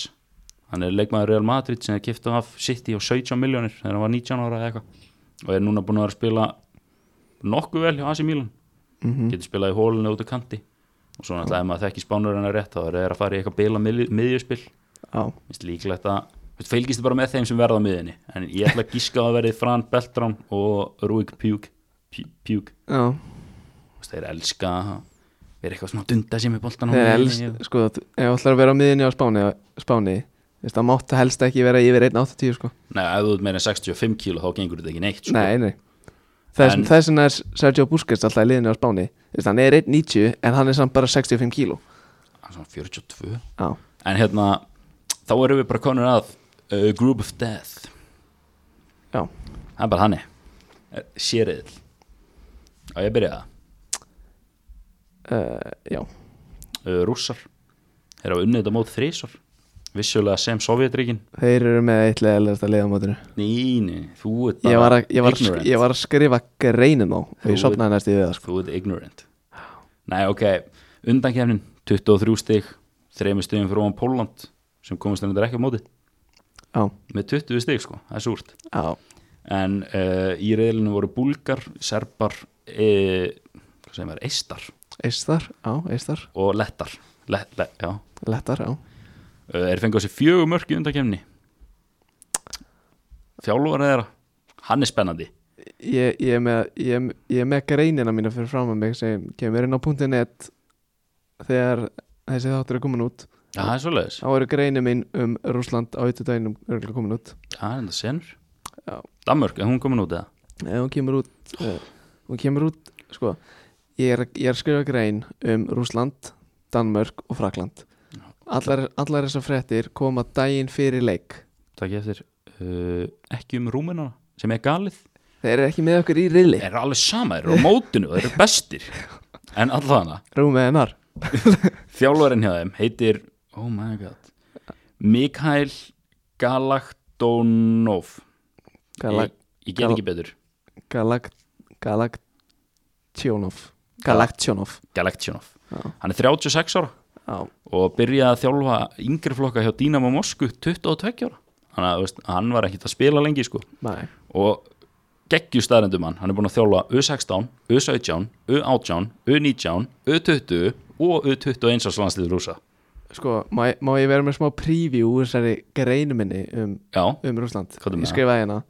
36 ára rúsi sem hefur starfað sem yngri landslið sjálfari á Rúslandi nánast allan sem feril eða þ- allan sem þjálfara feril með smá stoppi á Dynamo Mosku og FC Akhmat Gorosny Passar það ekki? jú, Jú, jú. e, e, e, hann byrjaði hjá Mosku Já, veist, ég ætla ekki að fara að skrifa Hann hefur þjálfað Nei, U16, Ég- U17, ég skil hvað þú U18 meinar. Já, en hérna það er ein alvöru blótaka hjá þeim það er Ma- Mat Matvei Safonov ég veist að tala um meistarannana sem við vorum að ræða fyrir þátt ægi Jú. Já, en hérna, hann var aðalmarkmæðurinn þeirra nei, nei, nei, nei, við erum ekki að tala Ertu ekki að tala um það nei, gæðin? nei, nei, Nei, nei, nei. ok, ok, Nei, nei, hann, ég, þú veist, ég hef enga trú á honum sko ok En hérna, Ekki hann, heldur. þetta var semst aðal markmæðurinn er að undankenninni Spilaði sjö af þessum tíu leikum Fekk þessi eitt mark Í sjö Já. leikum Og en Alexander uh, Maximen hvað, ég skrifaði þetta bara niður eins og þetta er skrifað og held bara að ég myndi græði þetta í þættinu sko. þetta er ekki hægt sko. ég er ekki reyprennandi í rúsnesku sko. en hann verður sem sagt, þessi Alexander, hann verður markmaður nummer eitt á mótinu ok, hann er markmaður nummer eitt á Spartak Moskvu sem eru fjórun stöðum frá topnum þannig að þú veist, það kemur bara maður í mann stað sko. á já það Og- verður líklegast ef að ég renni snögt yfir hópinu á rúsum hver verður sett, númer, með númer eitt á bakinu það mun vera meistari Ivan Lomaev já, hann vann eitthvað veðmál eða eitthvað að spila engarleik í í undakefni Nei, en það spiluðu þessi tveir þessa tíuleiki en uh, líkilmaður er bara Fedor Tjálf hann er 22 ára, fættu 98 búin að spila 152 leiki með Sesku Moskvu það er rosalegt sko skoraði, búin að skora 44 mörg og lagt upp 28 með 10 mörg í 20 leikjum í undir 21 landsliðinu og á þrjá aðlandsleiki Þú veist, gemmir eitthvað sem er með betra CV í þessu rúsneska liði ég er líka með smá preview úr greininu minni um Fedor Tjalov einmitt, einmitt, einmitt. En skeiði mín ég er að fara að borða eftir þátt ekkert, ekkert stress uh, árið 2019 var hann orðaður við Chelsea, Liverpool, Arsenal og Crystal Palace Úf, hann og Bendi Heggi í strækjur, það hefur verið rosalegt dúo. á, bara upp á topp bara, bara senda hann langan upp á topp Fedor Tjalov að vinna í kringum Benteke og wow, Saha hann á vinstri og Townsend á hægri og pff, það er rosalegt maður Já, gefur mér bara fjórir, einn, þrýr, tveir með esi í hólunni. já, En hérna, já bu- burt sér frá Crystal Palace ég er ekki með fun fact um rússana. Ég er með sad fact. ú, ok Rússneska liðið er metið á 76 miljónur evra hjá Transfermarkt, íslenska á 10. það mótlætið Já, já, Jesus, mótlæti eru við í á þessu móti það er bara þannig. gæti, gæti verið að sé leikmaður í okkar hópnum sem er ekki með valjú að tansamart Nei, ég held að Róbert Orri sé lagstur, metið á 50.000 eurur. ég get að hérna- lofa að þeir sem er að hlusta þegar, þegar Róbert var yfir kjöptu frá bregðarblik það verður ekki að 50.000 eurur sko. Veistu hvað er mikið í íslensku með það? Það er s- 50.000 eurur, það er svona 8 miljónir króna Ég hef ekki hugmynd, sko, ég kann ekki á það. Já. En svo eru þeir líka svolítið leðilegir með annað rúsarnir. Meðalaldurinn er á mótinu 21,43 ár. Mm. Okkar er 20,40 sko. Þeir eru með alveg reynslu í sínu lið. Já, alveg sem hljómar upp á 21,4 ár Já. Ég meina, þú farið ekkit mikið meiri reynslu í, undna í EM undir 21. Nei, nei, En svona er lífið. Við bara gerum okkar besta eða eitthvað. það er ekki hægt að byggja, það er ekki hægt að byggja meira en það Nei, það er rétt. Hvað segir þau? Danir? Já, er, ég, ég, ég, ég er með Dani og Portugal Portugal? Eru þeir ekki í þessum reyðlega? Nei, er það Guð, Króatir? Þú eða? ert út um allt. Þetta er íslenski reyðlinn sko. Já, alveg Við erum fjórða liðið í reyðlinnum. Alveg rétt Ég er ekkit með að skrifa niður hjá mér í hvað riðlit er sko Herru, Nei, nei. herru, Danir Æ, Ég er bara með greinina mína fyrir fram að mig Ég ætla ekki að fara að lesa hana Já, já, já. Ok, ég get allavega sko lið Þarna Þeir unnu riðli sinn uh, Skoruðu 21 mark, fengur sér nýju Voru með pluss 12 í markatölu Þeir voru með Rúmenum, Úkrænu, Finnlandi Sorry. Já, Rúmeníu, Úkrænu, Finnlandi, Norður Írlandi og Möldu uh, Þjálfar er að heitir Albert Capellas Herms uh, Hann hefur verið þjálfari síðan 2019 uh, Hann hefur verið að starfa hjá Barcelona, Dortmund, Brøndby og Vitesse Hann er ekki danskur, er það? Albert Capellas Já, Nei, nei, hann er spánveri nei, nei, heimitt. uh, Líkil maður Koma bara eitt í greina af mér Það var að sjálfsögja Jesper Lindström Já, já. sem ég talaði um í senast þætti uh, ég meina gæin er með eða allavega þegar ég skrifaði þetta niður fyrir senast þátt og hann var með nýju mörg og nýju stóðsendingar í 21 leik í- fyrir Brömbi í dönsku úrvarsleildinni, það er rosalegt Mm. uh, og þetta er sóknar sinnaði miðumæður uh, þetta er leikmaður með mikið hraða frábæra boltatækni, stanslust ógna marki anstæðinga hvort það sé að búa til færi fyrir liðsfélaga sína eða búa til færi fyrir sjálfa sig svo er ég með sko þrjá leikmenn í, til að fylgjast með og svo er ég með yngsti leikmaðurinn í honum út af því að þetta er greinu mín Já, já. uh, Viktor Nelson, já. Fyrir- Fyrir... fyrirlið liðsins leikmaður SVK Já, Eh, hann var orðaðið við eitt lið sá ég á Transmart, veist, svona previous rumors mm. hann var hann orðaðið við Aston Villa bara núna í haust 2020 ok, og hann var að tala um að Aston Villa byggði 9 miljónir í hann FCK bara ef ég gaf bara að taka neytak uh, eða þetta er Hafsend sem sagt og fyrir þá United stuðningsmenn sem horfðu á leikið þeirra gegn FCK í Evrópadeldinni þá var hann einmitt í byrjunarliðinu þar Já. ásamt næsta manni sem ég er með á Once to Watch listanum mínum og það er Mohamed Darami uh, þetta er kantmaður uh, fættir ára 2002 hann hefur verið orðað við Liverpool og RB Leipzig Uh, hann byrjaði að brjótast inn í liði FCK 17 ára gamall og hefur spilað 71 leik fyrir FCK í öllum kjarnum þrátt fyrir ungan aldur og hann var líka í byrjanleginu í þessum Manchester United leik uh, Anders Dreyer leikmaður nummer þrjú uh, kantmaður fættur 98 sem þú þekki Maggi Jú, varst með, jú. varst með henni í FC, uh, mid, og varst með henni í Midtjyllandseyfiðinu Passar, ég vissi aldrei hvað þetta gera við hann sko. Nei, ég Þú varst alltaf- mismanagið hann, ég þú- veit ekki það ja, þú varst svolítið svona langar spilunum en langaði samt að spila Gustaf Ísaksen líka mm. Gustaf Ísaksen komst ekki á hans þú varst lista minn það er bara eins og það er Já, já, kallt er það Klara hver er þessi klara? Þetta er kannast Hötta- ekki til þetta er Hötta Mag reference hann Uncultured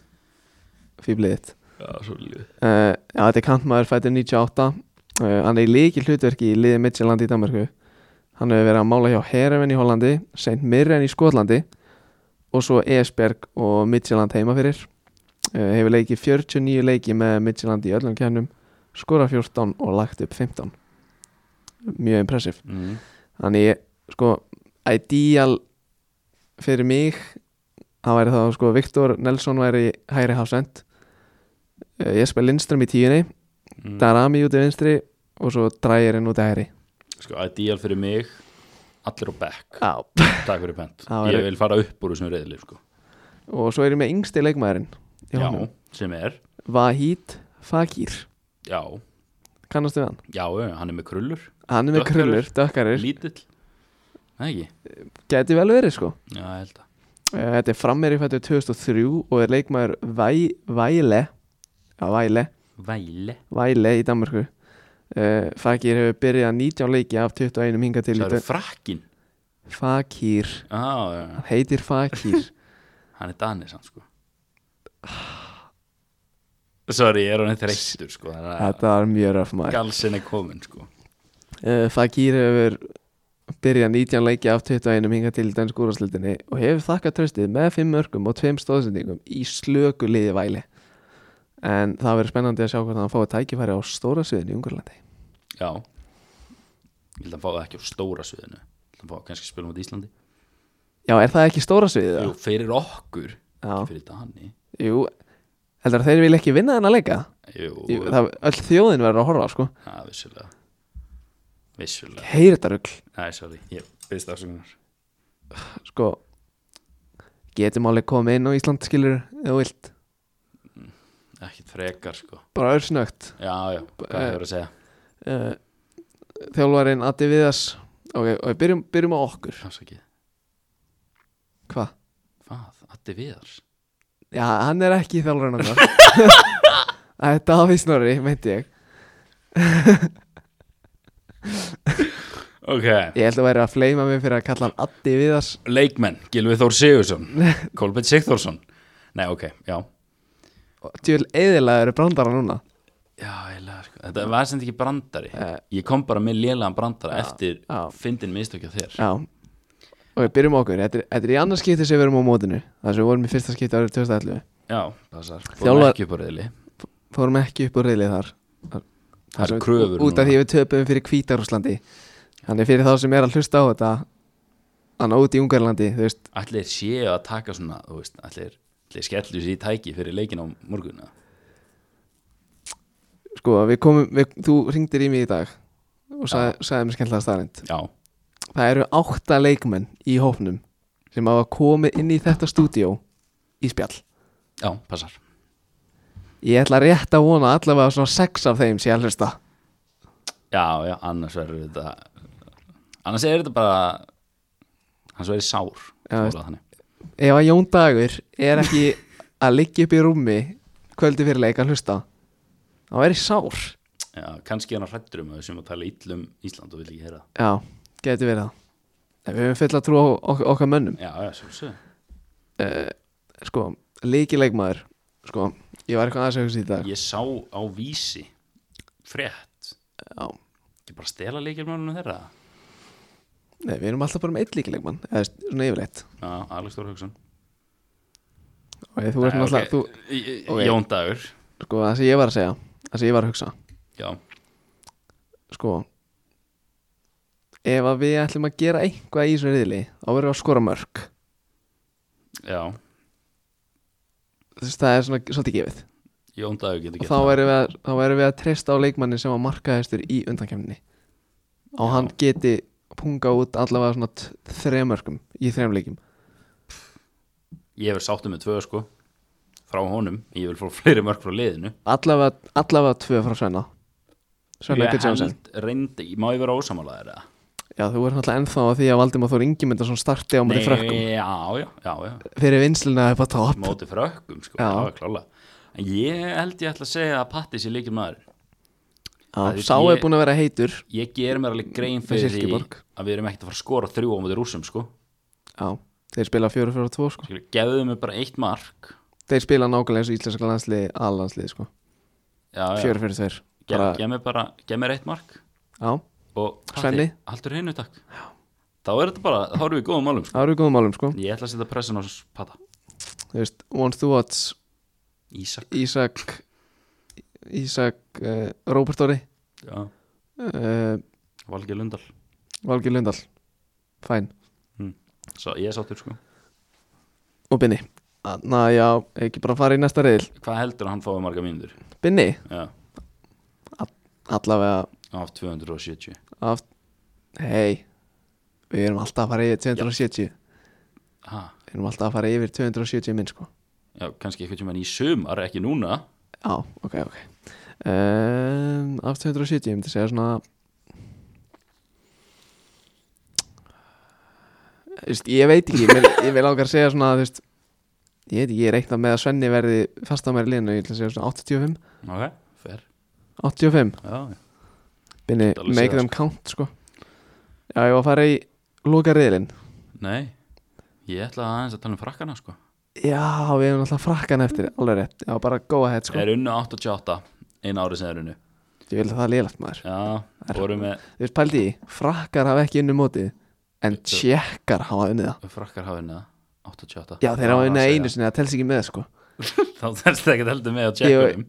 Jú, þegar þeir eru miklu lélegri Já, já, vissulega Ok, pældi í, því, frakkar að vinna móti einu sinni Jafn oft og Svíþjóð og Tjekkland Já, How do you like them apples? Ok, undankefnin, þeir voru með Sviss, Georgíu, Slóakíu, Azerbaijan og Liechtenstein í riðli. Sá riðl, Já, já, hörkur, eða maður ömurlegu riðl Þeir maður. voru með Sviss, hvað er þetta? Það geta ekki neitt sko Uh, Sviss endaði með 27 stegi í riðlunum, takk fyrir pent. Já, í ömurlegum riðli líka Er unnu frakkana samt í öðrum leiknum? Já, það var engi með í heimleik Þetta var bara eitthvað varaliðana Að frakkandir endur hindi Eh, samt efstasæti í riðlunum á síðasta leikdegi, unnu Sviss 3-1. Já, Töpuðu nákvæmlega fyrir leiknum. Uh, þjálfarin, uh, Silvían uh, Ripoll, uh, Ripoll, Repo, Ripoll, repo Uh, hann er búin að þjálfa það síðan 2017 eftir vonbriðin að þeir komist ekki á lokamóti þá og þú veist, hann þjálfaði á 2019 á mótunni þeir töpuði undanúslu móti spánurum 4-1 Bíti, bíti, bíti, bíti, bíti Hvað? Komist frakkar ekki úr riðlinum sínum hvenar? þeir komist ekki úr undankefni fyrir mótið 2017 þeir voru ekki á lokamótinu Því líka vonbrigði, maður. en hérna svo skrifaði ég bara undir blóðtökur ég bara slefti þeim bara ég nenni ekki að vorkinu sem liðið smá þeir eru með rugglaðan hóp sko það er bara alveg sama hver er gjaldgengur og hver er ekki að mæta þeir bara, þú veist, bara vorkinu þeim ekki neitt Já. Líkilmenn, Oddsson Edvard Ég var að setja í leðsli Oddsson Edvard framverið Celtic hann er mjög sennilega í líkilhlutverki hann var markaðistur í liðinu undankefni með 11 mörg Verður Og- spennandi að sjá hvort að hann fái Move stærra en Celtic fer eftir mót. alltaf í sumar sko. en hérna, hann á 15 mörg í 10 leikjum undir 21 einsáslandsliði frakka og þú veist, svo verður líkilmaður eða líkil menn í hafsendunum hjá þeim ég veit bara ekkert hverju verða þar þeir eru með Benjótt Badi og Sjíl í hóp, Wesley Fofana, Julius Kunde og Konate Vist, ég myndi detti í þryggja manna sko Vist, Kom ég, öllum fyrir nei, veist, ég myndi bara henda Konate á bekkin skilur ég get ekki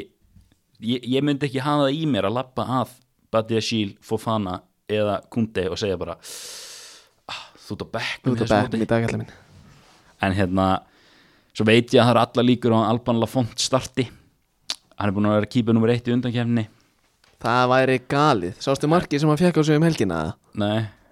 Jú, Potitsja, aukaspinnan frá 40 metrónum jú, jú, jú. Hann var í búrunni þar já, já, Hann, hann hafði ekki nema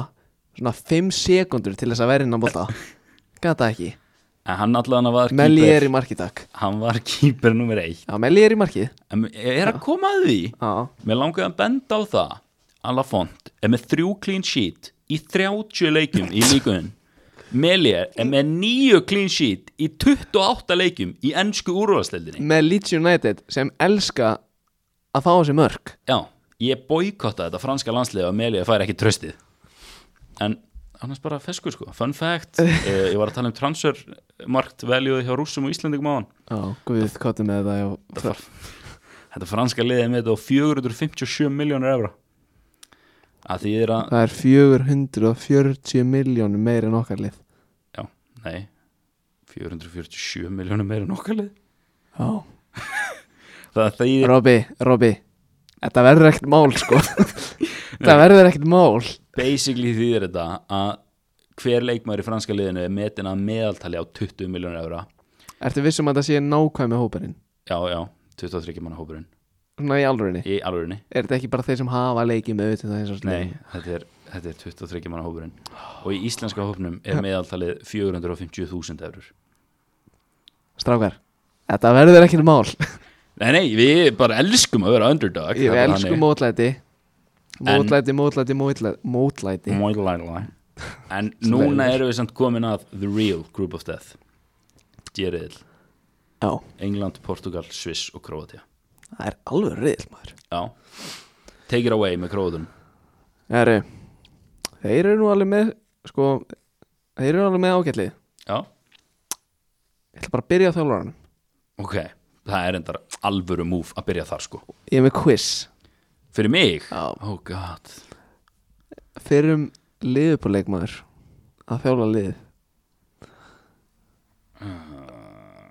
Var ég að horfa á Leopold þegar hann var að spila þar? Nei, Nei, þá ætla ég bara að leggja árur í bát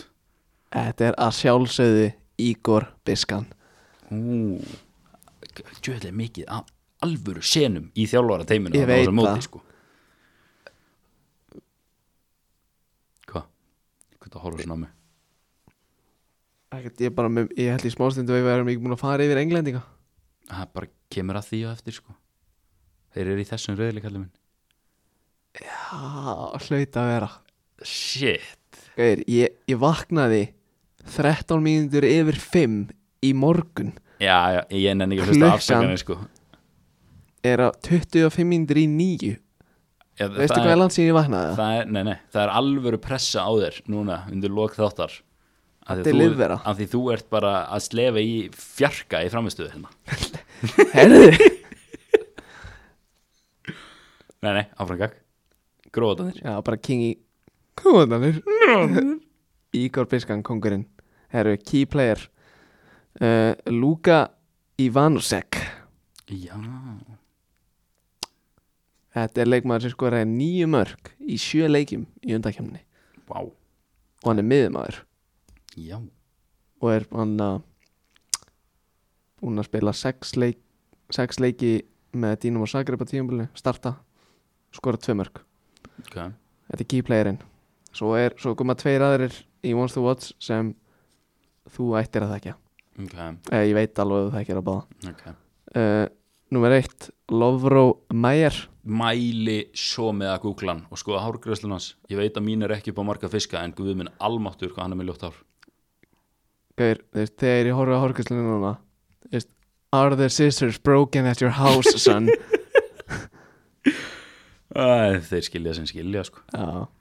Ef að þeir skilja sem skilja þá bara fair play Hér er Lovro Mayer hann er fætið 98 uh, átta leikir og fjögur mörg í undakemni fjögur mörg og átta assist með Dínum og Sakarib í vetur hann til dæmis var að spila leikin gegn Tottenham leiknum fræga núna bara um daginn Já, sá leikurinn uh, hann og Ivanusek verða klárlega potturinn og pannan í sóknarleik Króata í þessum reyli eða er Vá alltaf að ná sér einhverjum árangri hérna Erðu þú komin upp í 6-5 er ég komin upp í 6 veim? Potturinn og pannan Já, Já, já rétt eins og ég vonaðist til eftir að Stuart Downing og Andy Carroll eru potturinn og pannan í svona leik Leopold 2011 Ég er ennþá að sirkja penningin sem ég eitt í og út til að fá Stuart Downing aftan á liðbúldreina mína Já, líka Stuart Downing treymir Leopold treymir Stuart Downing aftur á Ég er náttúrulega komin í stöðu til að fara að rukka þann pening tilbaka sko. Það er galið að hafa rukka fyrir þetta í fyrsta lagi sko. Þú veist, ég rukkaði Jó Úterja Þú veist, Jó Úterja rukkaði mig bara ekkert fjögur og fimm fyrir sko sex mánuði af Robbie Keane aftan á Leopold treymir mína 2009 sko Já, já, svona lið Getur ég gert þetta með þessum peningi aftur að ég fæ hann aldrei tilbaka örgulega sko Nei, Ég get mert treyju fyrir þig Bara í staðinn Já, já. Nett Herðu, leikum við nummer þrjú Nikola Morrow Mhm. Þú veist hvað það er Já. leikmaður uh, sem er fættur í 1998 djúpur miðmaður hjá Dínum á Moskvu spilaði nýju leiki undan kemninu og skoraði fjögur mörg Djöfull ertu mikið í þessum gömlu hjá gróðunum maður já, þeir eru ekki að bjóða, sko, ég held að Luka Susic væri í hónum, en hann er bara ekki í hónum Já, já, árangak Sem En er- Modric já, na, Ok, ég þarf að hætta sko. já þú ert alveg að lækka því framistu Já, ég veit allt um það sko. uh, já, hann verður sveit í líkil hlutverki á djúpur miði hjá Króðum á þessu móti sem svona akkeri, hann verður Mm. mm. akkeri Við elskum gott akkeri sko, núna allir leikmenni sem ég nefndi eru miðjumenn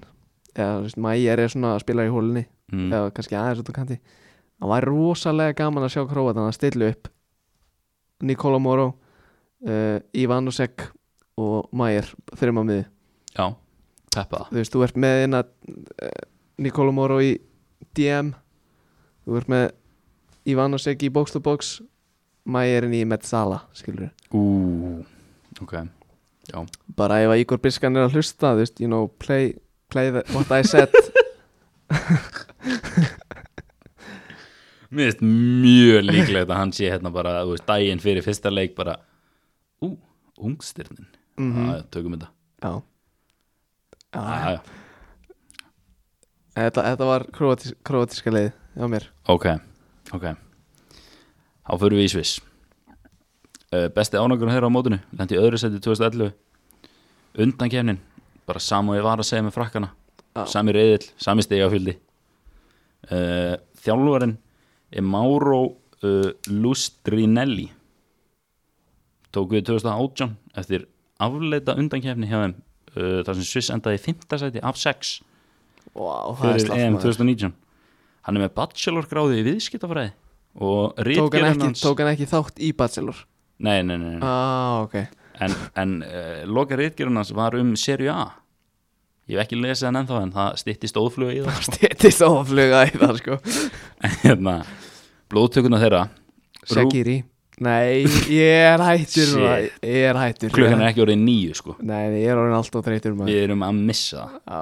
Rúben Vargas, kantmaður Augsburg í Þískalandi wow, svo blóðtakana maður Ert smá Besir Omeragic, hafsend hjá Zurich það er þetta blóðtaka Þeir eru báðir valdir í A-landslisópin hjá Sviss og svo er Noah Okafor kantmaður hjá Red Bull Salzburg er hann ekki ónum? hann er mittur maður Úff. hann keftur á 11 miljónir eura núna í janúar frá Basel Súrt mjög Líkilmenn Jordan uh, Lotomba hæri bakur hjá Nís eða en, Næs hann spilaði sex leiki í undan kemni tvo í hægri bak, tvo í vinstri bak og tvo á kantinum mista á síðustu fjórum og það var alveg aðlandslisópin í fyrri tveim af þeim og svo var hann með COVID í setni tveim nice. ja, bömmar sko og svo er hinn maðurinn á baku tjöldin Andi ég getur ekki sko Andi Sekiri And, Andi Sekiri Se- Se- Sekiri Shakiri Sekiri, ekki Shakiri, Sekiri ok, Hann spilaði áttaleiki í undankefninu og skoraði nýju mörk og laði beitt heyrðu Bókstallega búin að spila fyrir öll yngri landslisviðs U15 upp í U21 ok, hann er í eigu Brighton, þeir kefti hann í oktober í fyrra á fjóra miljónar evra hefur reynda bara komið inn á í fimm leikjum svo farið prem, Já, er hann ennþá í Brighton? ennþá, hann kom í fyrra sko, Ég veit, ég bara reiknaði með að hann var á láni eitthvað staðar eða eitthvað, ég veist ekki að hann væri í þessu liðið því á Brighton, sko. hann er í Brighton en hérna fun fact, Já, á mótinu 2011 þegar þeir komist í úrslitaleikin þá fengu þeir ekki á sig mark fyrir í úrslitaleikin veistu, hver- veistu hver var í búrinu það? hjá Sviss, hvenar? 2011, Benaglio. ránt Ah, þetta var annað gíska Jan, Jan Sommer? ah, punktur vel hér, Mér finnst þetta var pirrandi að það hef ekki verið Benaglio. já, svona lið hann er ekki á Mónako ekkert Jú, já, já. ég er ennþá að hugsa um minna næsbrandara, sko. Mér held að fólk hafa ekkert náð þónum sko Við þurfum ekkert að fara aftur eitthvað lengra onni Við það sko. getum útskýrt hann. nei, nei. Nei, nei. Ég held að í- íslenskir fjölmiðlar hafi farið nóg í það þegar við vorum að spila í nýs þarna 2018 eða eitthvað Já, næs. Það var hefði næ sko Herru, farið í Portugal áður en ég lapp út Eri, sko, ég hef búin að vera að segja við, við fullt af fólki, fullt af fólki, sko. mm, Já, Ok, svona þrjá. Ok, fullt af fólki Ég var bara, heyrðu, ekki sofa á Portugalunum. Var eitthvað að því eða? Svo fór ég að skoða hópin nánar. Okay. og hvað leikmennir sem ég held að væri að gera eitthvað hluti í sko liðs, eða félagslega fótbollanum ja. þeir eru bara ekki að gera neitt merkilegt sko, Það er svo leiðis sko þeir, þeir anda enduðu í öðru sæti í sínu rauðli og voru jafnir stigum við, á, við Hollendinga mm. níu leikir uh, nei tíu leikir níu sigrar eitt tap voru reyðli með Hollandi, Noregi, Kvítarúslandi Kýpur og Gíbraltar hafa aldrei unni mótið Shit, komum langar að spila á móti Gíbraltar Já, mér líka Ég gæti grínlast verið á veistirkantinum í þeim leik Nei, ég var ekki að tala um ég persónulega sko Bara Ísland spila á móti þeim Mér langar að sjá það Ég gæti það samt sko Já, öruglega sko uh, Þjálfarinn er Rúi Horge Við erum með liðið síðan 2010 Þú veist Líki leikmaður þú veist, Ég skrifaði bara niður gæðin sem spilaði flesta leikina þeirra í undarkemni og það var Diogo Leite mm. fætur 99 metinn á 10 miljonar evra spilaði alla leikina með portugalska liðin í undarkemni búin að byrja sjö leiki með Porto í vetur í deildinni og verður klárlega í leikil hlutverki hjarta varnarnar á portugalska liðin á mótinu uh, Wants to Watch sko ég sko ég hefði náttúrulega og, og, ég, og við báðir við hefðum alveg getað sett ykkur gæja sem við vissum eh, sem við værum alveg og ég ætla að reyna að orða þetta á þér ég nefndi ekki að vera að setja ykkur gæja á Wants to Watch lista minn sem ég var ekki vissum að væri að fara að spila eitthvað Ok, Veist, annars hafði ég bara sett Tiago Thomas í Wants to Watch en hann eru kannski ekki að fara að spila já þannig ég hendi Fabio Vieira, Vieira. Uh, ekki verið í miklu hlutverki á Porto í veður og aðeins byrjað þrjá leiki og koma inn á tíu sunum en hann var hins vegar frábær með vitið á einsásliðinu í undankenni spilaði sex leiki og skoraði fimm mörg mm. uh, og svo náttúrulega hinn leikmaðurinn er náttúrulega bara Francisco Treinjá Já, leikmaður Barcelona Þú veist, spilaði fjóra leiki undan kemni eitt mark, þrjú mörk og tvö assist fyrir Barca í vitur á mjög takmörkum mínútum þar sem hann hefur bara aðeins byrjað tvo leiki og komið inn á 20 sinum grínlöst 20, sin- grínlaust 20 sinum elsku það og ja, er þetta, ég veit ekki, sko fólk getur ekki séð lengur á Instagramin okkur út í að hann alveg líka reportað okkur Það er bara eins og það er Já, sett, þegar við töluðum við hann að Jónatan og Hörðinga þá var sett daginn eftir því ég sett á Instagram markið á honum mm. á móti Real Betis, störla mark, sláinn inn eða Bilamark eitthvað Já, þá sett, fegst þú eitthvað notification á Instagraminu eitthvað bara, já, þarna Sorry, það má ekki þannig að þið megi ekkert setja þetta inn, sko þannig að það er bara eittu postinum okkar Já, það, en annars bara það var fyrir, súrt sko fyrir þá sem vilja skoða þetta mark aftur bara skrifa Fa Francisco Trincao Gól versus Betis og bara njótið Bara klálega sko En já, ég er ekki alveg jafn hæ á, á Portugalum eins og ég var sko. mm. Ég reyndi Það er að tók eftir einu Já, Joelson Fernandes já spilaði fimm leiki í þessari undarkefni mm Hann er ekki í honum, Það er endar mjög áhuga það er sláandi sko Já, Leikmaður Sporting, það er endar ekkert búin að vera að gera neina Nei, nei, hann spilar með- aðliðis- hann spilaði með bjöliðinu Já, Sporting, en, en samt Já, ég, ég hefði tekið hann En Þeir eru með Chico Coins á kantmann hjá uh, Porto Já, þú veist Aftur, ég hefði sett hann í vonstu vonslista minn En hann hefur ekki spilað eitt leik í þessar undakefni Þannig ég veit ekki hvort það sé að fara að spila Já, vissulega Enda með gott lið sko Pedro Goncalves, akkur er hann ekki hana Hann er ekki til honum Er hann ekki í hópnum? Nei, Víst, nei, víst þú ert að ljúga Hann er alltaf í hópnum á transumart Ok, Teams, ég er í hérna í Teams Á uefa.com Portugal Mjúta þetta hérna Ég er að segja Squad Ég er að segja, hann er ekki á honum sko Ég ég ætla að lesa hérna Midfielders Florentino, Lewis Já, Vitinha hjá Wolves Gerson Fernandes Gon mhm Gonzalo Ramos mhm, Daniel Braganza mhm, Felipe Suárez mhm, Pot Pote mhm, og Fabio Vieira mhm. Gauð, Men þe- Þetta er official tilkynningin hjá Portugal um hópin sko sko Þetta er bara eitthvað skita hjá UEFA ok, þá er ég búinn að breyta Það ætla ég bara að skipta Petro Gonsalves verður á Monster Watch listanum mínum uh, hann er búinn að vera geggjaður með sporting á þessu tímanbli Er hann ekki bara key player eða? ja, hann er bara key player hann er, 15 mörg 4 assist í 22 leikjum í Líga Nós já, byrju, ég, er að- ég er að breyta á Monster Watch listanum mínum sem við, við förum yfir eftir Já, það er svoleiðis Já, Peter Gonsalves er komin á þann lista Ok, flott er Já. Já, uh, ég er mjög hæg á Portugal sko Ég er peppaði fyrir þeim En Ma- englendingar Ertu búin að að fyrir englendinga? Hún var að fara í englendinga, ég ætla bara að skoða hvort ég sé að missa af ykkur í þessum portugalska hópsi Uh, undankefnin? Já, klára englendingana Þetta er Eh. se- þetta er seinasta liðið sem við förum yfir Já, passar Þeir unnu reyðlinsinn með 28 stegi á 30 mögulegum voru með Austuríki, Albaníu, Tyrklandi, Kosovo og Andorra og tap, töpuðu stíin kom í 3-3 jafntölu mútið Andorra Hvað? Rafael Leao er í hópnum líka Já, og hann er ekki ná UEFA hópnum já, já Ég þarf að senda eitthvað heitmail á UEFA Þeir eru gjössalega búin að eðilegja alla heimavinna fyrir mér Það geti verið að Luka Susic sé í þessum hóp og ég bara sá það ekki inn á UEFA.com Já Þetta er Þannig, uh, kæri hlustendur, ég byggðist afsökunar á að ég valdi ekki einhverja leikmenn sem ég langaði eflust að tala meira um en þetta er allt UEFA að kenna Já, já er, Við notum þá sem scapegoat Eh, Þeir eru skeipgótt, eru, þú mátt ha- halda áfram með englendinga Já, þeir gerir jafntöflu Andorra 3-3 Útöðli Það er ekkert spes Það er mjög áhugaður útlitt Var ekki Rís Williams í afsendum með Í hafsendum, það? Já, það veit ég ekki held það sko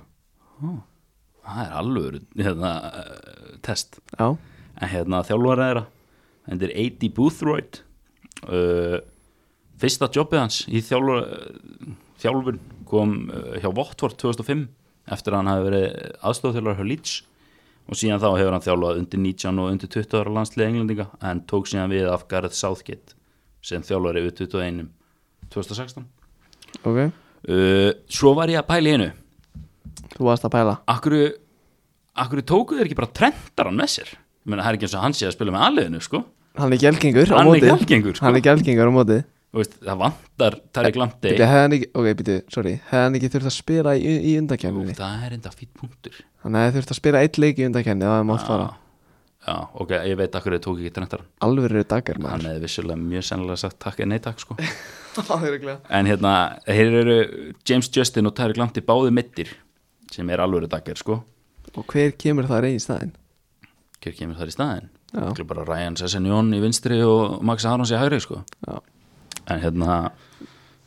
þú veist, þeir eru með styrtlega það sem mæ- mættu spila eða þú veist, eru með aldur til að spila Jude Bellingham, Rhys James, Mason Mount, Declan Rice Saka, Phil Foden og svo Sancho mittur Musiala, valdi vitluslið eða valdi, valdi ekki England en, en svo skrifaði ég hérna þú veist, þetta var áður en ég fór og hitt, hitt Harfi Elliot randi mitt Mm. ekkert pláss fyrir Harfi, Harfi Elliot í hóp næst stóðsendikastur í Champions í deildinni sniðgengin Pilla, Þetta er röf Leikilmenn, Eddie Nketja markaðistur í undankefninu með 13 mörg í nýju leikjum það er rosalegt Ég þarf að fara að sjá þetta hjá Arsenal takk já, ég þarf líka bara að fá Arteta til að sætta sig við að þetta tímabilið vast og fara bara að spila krökkunum sko já hann er reyndar, ok, to be fair hann er búin að vera nokkuð til löða já, já, en ég, veist, bara free Eddie, sko, free Eddie áklálega sko, selja á Bameng núna, takk en svo skrifaði ég hérna, Bielsa gæti ekki notað hann jú eða hvað var það hann var bara kallaði tilbaka á láni í januar hann var bara geggjaður hjá okkur mm -mm.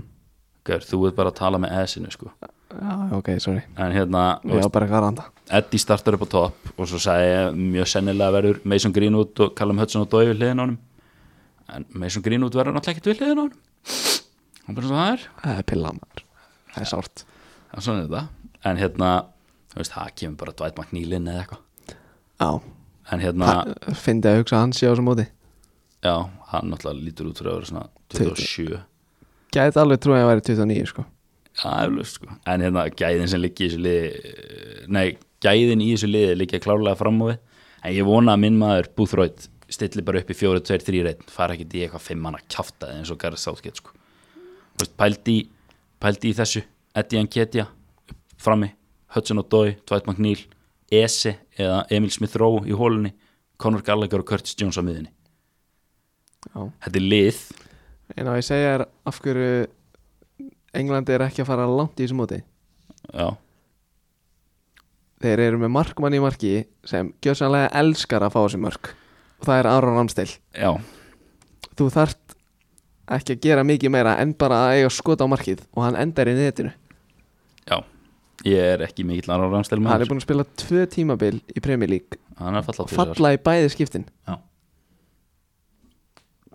En hérna Næsta mál og dagskrifa mér er bara spáin sko Hver ég held að fara upp úr riðlunum já, Þú til eða? aðeins ætla að vera með reyðlana fyrir fram á mig ok, reyðla Þýskananda Holland Þískaland og Holland fara úr reyðlinum Því úr miður reyðli A þú, Rúminandi er nei, að fara þú heim getur ekki gert þetta Ég þú, var verður að, óbúða þú verður að setja eitt þú verður að setja annarkvort Þískaland eða Holland Nei, heim. Þýskananda Holland áfram Því miður sko, sorry Rúminar Ég- Sorry ég trúi ekki, þú sést búin að vera að hæpa rúmina Ég held með þeim, þeir eru bara ekki að fara upp úr þessum riðli Láttu mig vera Herri, ég ætla að segja Holland og Rúmenía Nei, Þískaland fara, fara heim þú ert að kappa eftir það ekki riðlakefni Næ, Ok, segja Þískaland og Ungaraland fara heim úr riðlega Holland þú ætlar ég ánæði með Ég, ég seldi þig á Rúminu Já, já, uh, Bjerriðil, Spátn og Ítalja já, förum yfir riðlinn fyrst Við erum búin að Nei, ég, gera er það því í að svona tala, ég er klukkutíma að tala um þú veist, riðl B Bara svona recap, Spát, Ah. Tjekkland, Ítalía og Slóinía Þetta er Recap, má ég recapa rúmina það? Nei, Ok Æ, Spátn og Ítalja Spátn og Ítalía er að fara upp á þess- þessu riðlum uh, Sérriðil, okkariðil, Frakland, Danmörk, Rúsland, Ísland Frakland Vá. og Ísland ja, Það er svo Ég leiðis ætla að leifa mér að dreyma okay. ef, e- að- ef, að- ef að Ísland getur komist í áttalega úrslit á EM í fótbolta í alansliðum þá getum við alveg að fara upp á þessu reyðli sko. Ég er alveg samanlega því sko En fyrst að þú ætlar að taka Ísland þá ætla ég að segja Frakland og Danmörk bold choice Mjög, þú veist að þetta allar skilja rússana eftir, heim, eftir, eftir með sortennið já Sérriðil, uh, Eh, England, Portugal, Sviss og Kroatia England og Portugal Portugal og Sviss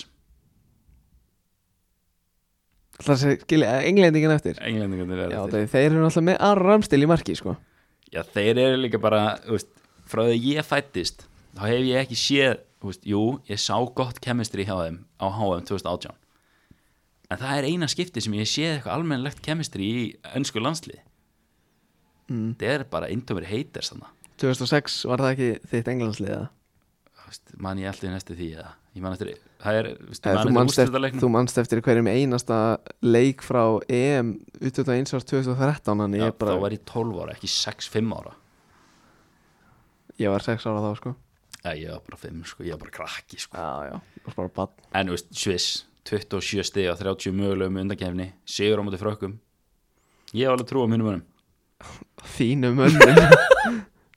ekkert búin að hæpa það upp svo allt í einu núna Ég hef hvað, bara, ég hef alveg full að trúa mínum mönnum ég hef bara svo gaman að þessu móti, ég held með öllum. Það eru allir sigurverðar í mínum ögum.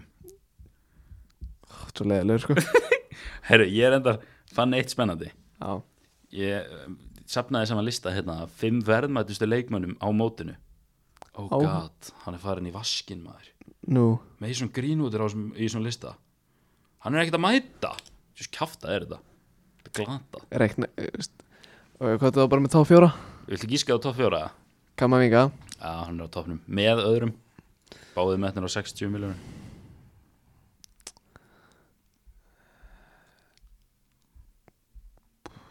Upamecano hann er náttúrulega ekki í hóp sko Já,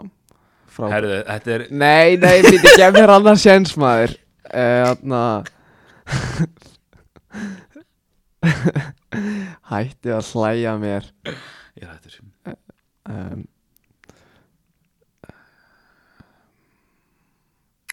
ok, meðan þú ert að hlusta, er prósentan í lagi á þessu eða? Já, já, flott er býtti, ég ætla ég ætla aðeins að fara Ég bý- Æ- Ætla að reyna á transumart Nei, Tjekka á þessu ég, eða? nei, aldrei ekki býtti, Ég er bara svona aðeins Eh, Callum Hudson og Doi Nei, ég veit það ekki Uh, Það er rétt, hann er í þriðasæti Já, tæklinlega sé fjóraða Yes uh, Jules Kunde, metin á 60 Já, Mason Greenwood var aðna í þriðasæti, metin á 50 Og svo koma fjóraða á fimmtasæti Callum Hudson Odoi og Konate á 35 Hann hafði tveir uh, franskir hafsendar aðna Og á topp 10 listanum það eru fjórir franskir hafsendar Svenni, þetta verður ekkert mál Þú verður bara staðsetjað vel í tegnum Þetta Býð eftir franska lið, sko. góðum kross Frá höttalöp í hæri bakveri Hvað, akkur hann kallar hötti löp? Og þetta ekki bötti löp ykkur tjúman eða? Jú, bara fæðingar, bötti og hötti Ah, Bötti löp og hötti löp, skilur ah, ok, flott Býð eftir geggjum bolta frá hæri, frá höttalöp Góðum vinni þáttarins Og svo bara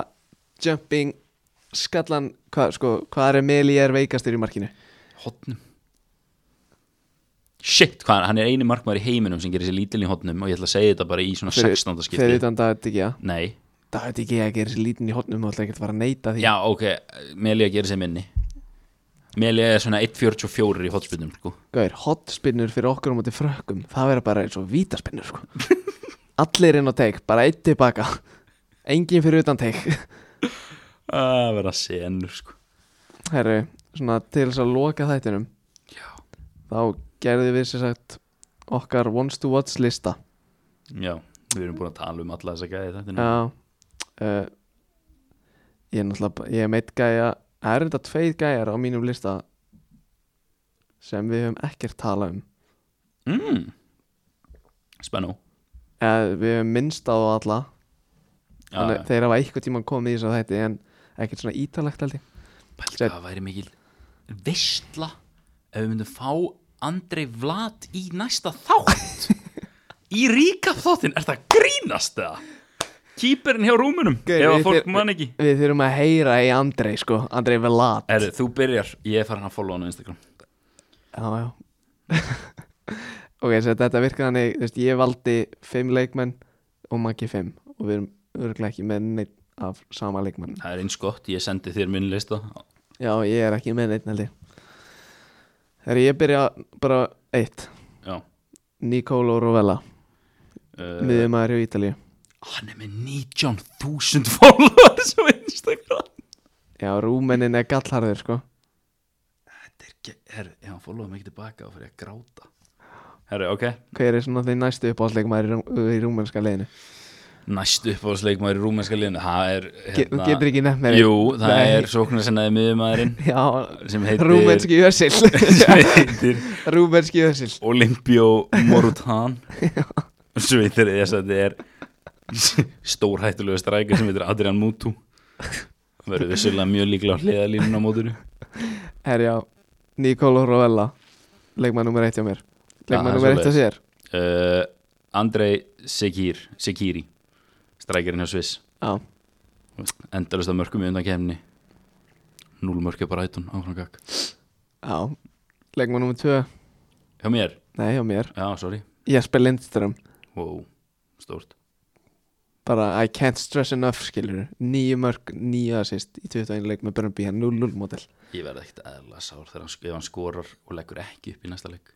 hjá Bröndby sko. Já, það er með 10-9 Já, verður ekki jafn særsvæðing og 9-9. Nei, Herru, leikmaður nummer 2 hjá mér, mjög góðu vinnu þáttarins, Andrei Vlad. Fættu 99, markmaður, geggjaður. Já, hann með 15 clean sheet í rúmensku deildinni, sko 15 clean sheet, 26 leikir 4 clean sheet, 8 leikir undan kemni Þú veist Klopp, eða veist að hlusta, skilur ég Okkur vant að vara marmann, sko Já, sko, við, Andrei Vlad er maður sem leikur ekki inn mörgum, sko sko, hlustendur góðir ef að allt gengur upp í vikunni þá er Andri Vlad að fara að mæta í síma viðtali í næsta þetti, það er staðfest Er leikmaður númer þrjú hjá mér mm. uh, Leikmaðurinn sem UEFA fokkaði mér upp með En það er Pedro Gonçalves Já, þú hendur hún bara í miðjuna þetta Já, já, Já, já, búin að er, sko, Nú ætla ég aðeins að sko, Ég er náttúrulega ekki með tölfræðin hans sko, Fyrir fram að veik ég var að segja náðan með sporting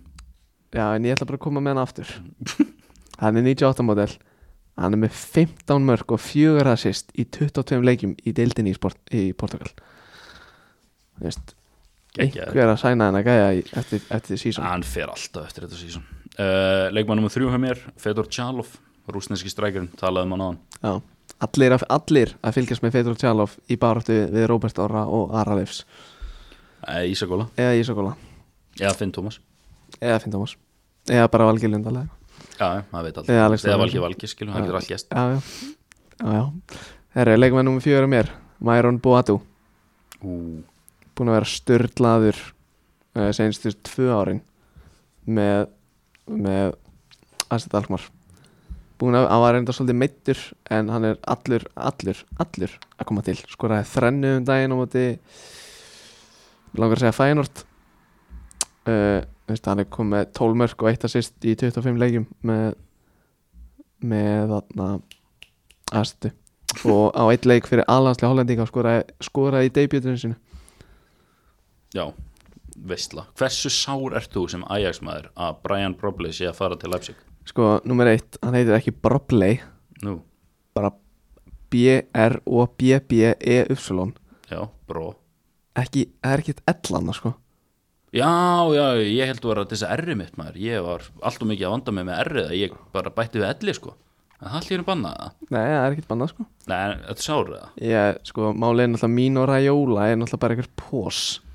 Já, hann er ópós hann er, hann er ópós sko, þú veist, hann náttúrulega sagði bara hei Kalli, þú ert ekki að fara að semja aftur við Ajax maður, ég get þetta er þreföldum launum hjá Leipzig og hann bara, uh, já takk og fór bara til Leipzig á frálsinsölu Herðu, maður nummer fjögur að mér Það er mjög sennilega margið Heyrt nafnið hans áður Eduardo Camavinga Fædd- Já, Fættu 2002 75 leikir með stadreinni hefur skorað með hjólastaspinnu með allansliði frakka Já, á tvo allansleiki 18 ára gamall Eitt mark bara Eitt- Og það- eitt mark og, og bara. það var með Það hjólhaldspinna er náttúrulega djúpar á miðju sko Já Ok, það var svona bakvaldspinna, hjólhaldspinna Nei, hjólaspinna, Hjólastspyrna. verðt ekki að gera lítið Nei, úr þessu, nei, sko. nei, Takk nei. fyrir bent Herri, 50 leikum verður mér Ég er að vaða svolítið svona Hann á- átti nefnilega engan leik í undankjörni Ok, þannig að hann verður bara sætur á bekk eða? Sko, ef að þjálfarinn var að fylgjast með um helgina Ok, Þá verður hann ekki á bænum ok, ok Þetta er að sjálfsögðu Ander Barnett Barnett Það er þetta, sko, þetta X hérna er að þvælast fyrir mér Já, bara nett Jésús, Ah, ég er í svo miklu vandræði með þetta ég, ég kláraði þrjá spænsku áfanga sko. já ég klára bara nett skea leikmaður Real Sociedad spónveri sástu markið hans um helgina Já, ég sagði það það var rosalegt og ég hef sett held ég öll mörkin hans inn á Instagramið okkar sem by the way er ennþá að styttast í að fá fleiri followers en þú. Já, já, já, já, já sko hann á veist, hann er búin að spila 23 leiki með Sociedad á þessu tímabili, búin að skora þrjú mark uh, ef ég fer yfir veist, hvað hann er búin að gera í Európa-deildinni sex leikir, ekkert mark ekki byrja eitt leik uh, en ég ætla bara rétt að vona að hann fái tækifæri hann á Spáni út af því að spænska liði er ekkert rosalegt hann upp á topp sko Nei, þannig, ætli, þú veist, ætli þetta E annarkvort þetta E eða þetta A það hlýtur að vera silent, sko EA virkar ekki, sko það bara gengur ekki upp bara net skea Það bara- þetta, þetta er bara heldur engu vatni, sko nei nei en ég vona allavega að hann fái sénsinn Já, ég er, fyndi maður að minna líka spánveri Býti, ég verð Já, sem verður uh, svona 120% í startinglæðanöfninu það er Brahim Díaz talaði Já. líkum hann áðan, fór 14 ára til City þannig að hann keftu 19 ára til Real núna hjá Ajax, ah, nei, Asia gera bara briljant hluti þannig að ég trúi ekki öðru en að hann verði í starting lineup Ok. þannig okay. áður en við förum Já, áður við kveðum uh, eigum við að tala um hverjir eru favorites fyrir þetta mót Getum eða, við- eða bara svona benda fólki á það, frakkar líklegastir Já. samkvæmt veðböngum svo koma spánverjar og englendingar þar hratt á eftir, ég hendi englendingar endur út í reyðlinum Já, aðeins var hann að sjá eftir því núna en áfram gakk nei, nei, Íslendingar þú ert bara að gefa góð ráð fyrir þá sem ætla að veðja á mótið uh, það er líklega að Slóveni að vinni mótið heldur en Ísland Nei, er þetta ekki grínast ég er ekki eins og smá íkja sko Það er ekki eitt leikmaður í slóanska liðinu sem væri í íslenska byrjarliðinu sko. og ég er að fakta það ég, ég hoppaði kannski svolítið hratt í gegnum Slóvenana Nei, þú gerir það ekki Úf, það er jafn, Ísland og Ungarland ólíklegustu þjóðunar á þessu móti Veist, Það er náttúrulega alltaf verið að sofa okkur sko. fjórðu ólíklegustu sem ég er endar held að vinni mótið það eru Rúmenar ég hef tröll að trúa þeim En ég er samt ekki það ég er búinn að followa Andri Vlad á Instagram fólk getur double checka það þegar þátturinn kemur út ég held að við getum bara að fara að segja þetta gott og fara bara heim að sofa sko. Ég hef aldrei hleyjað mikið síðan við byrjum í þessu hlaðvarpi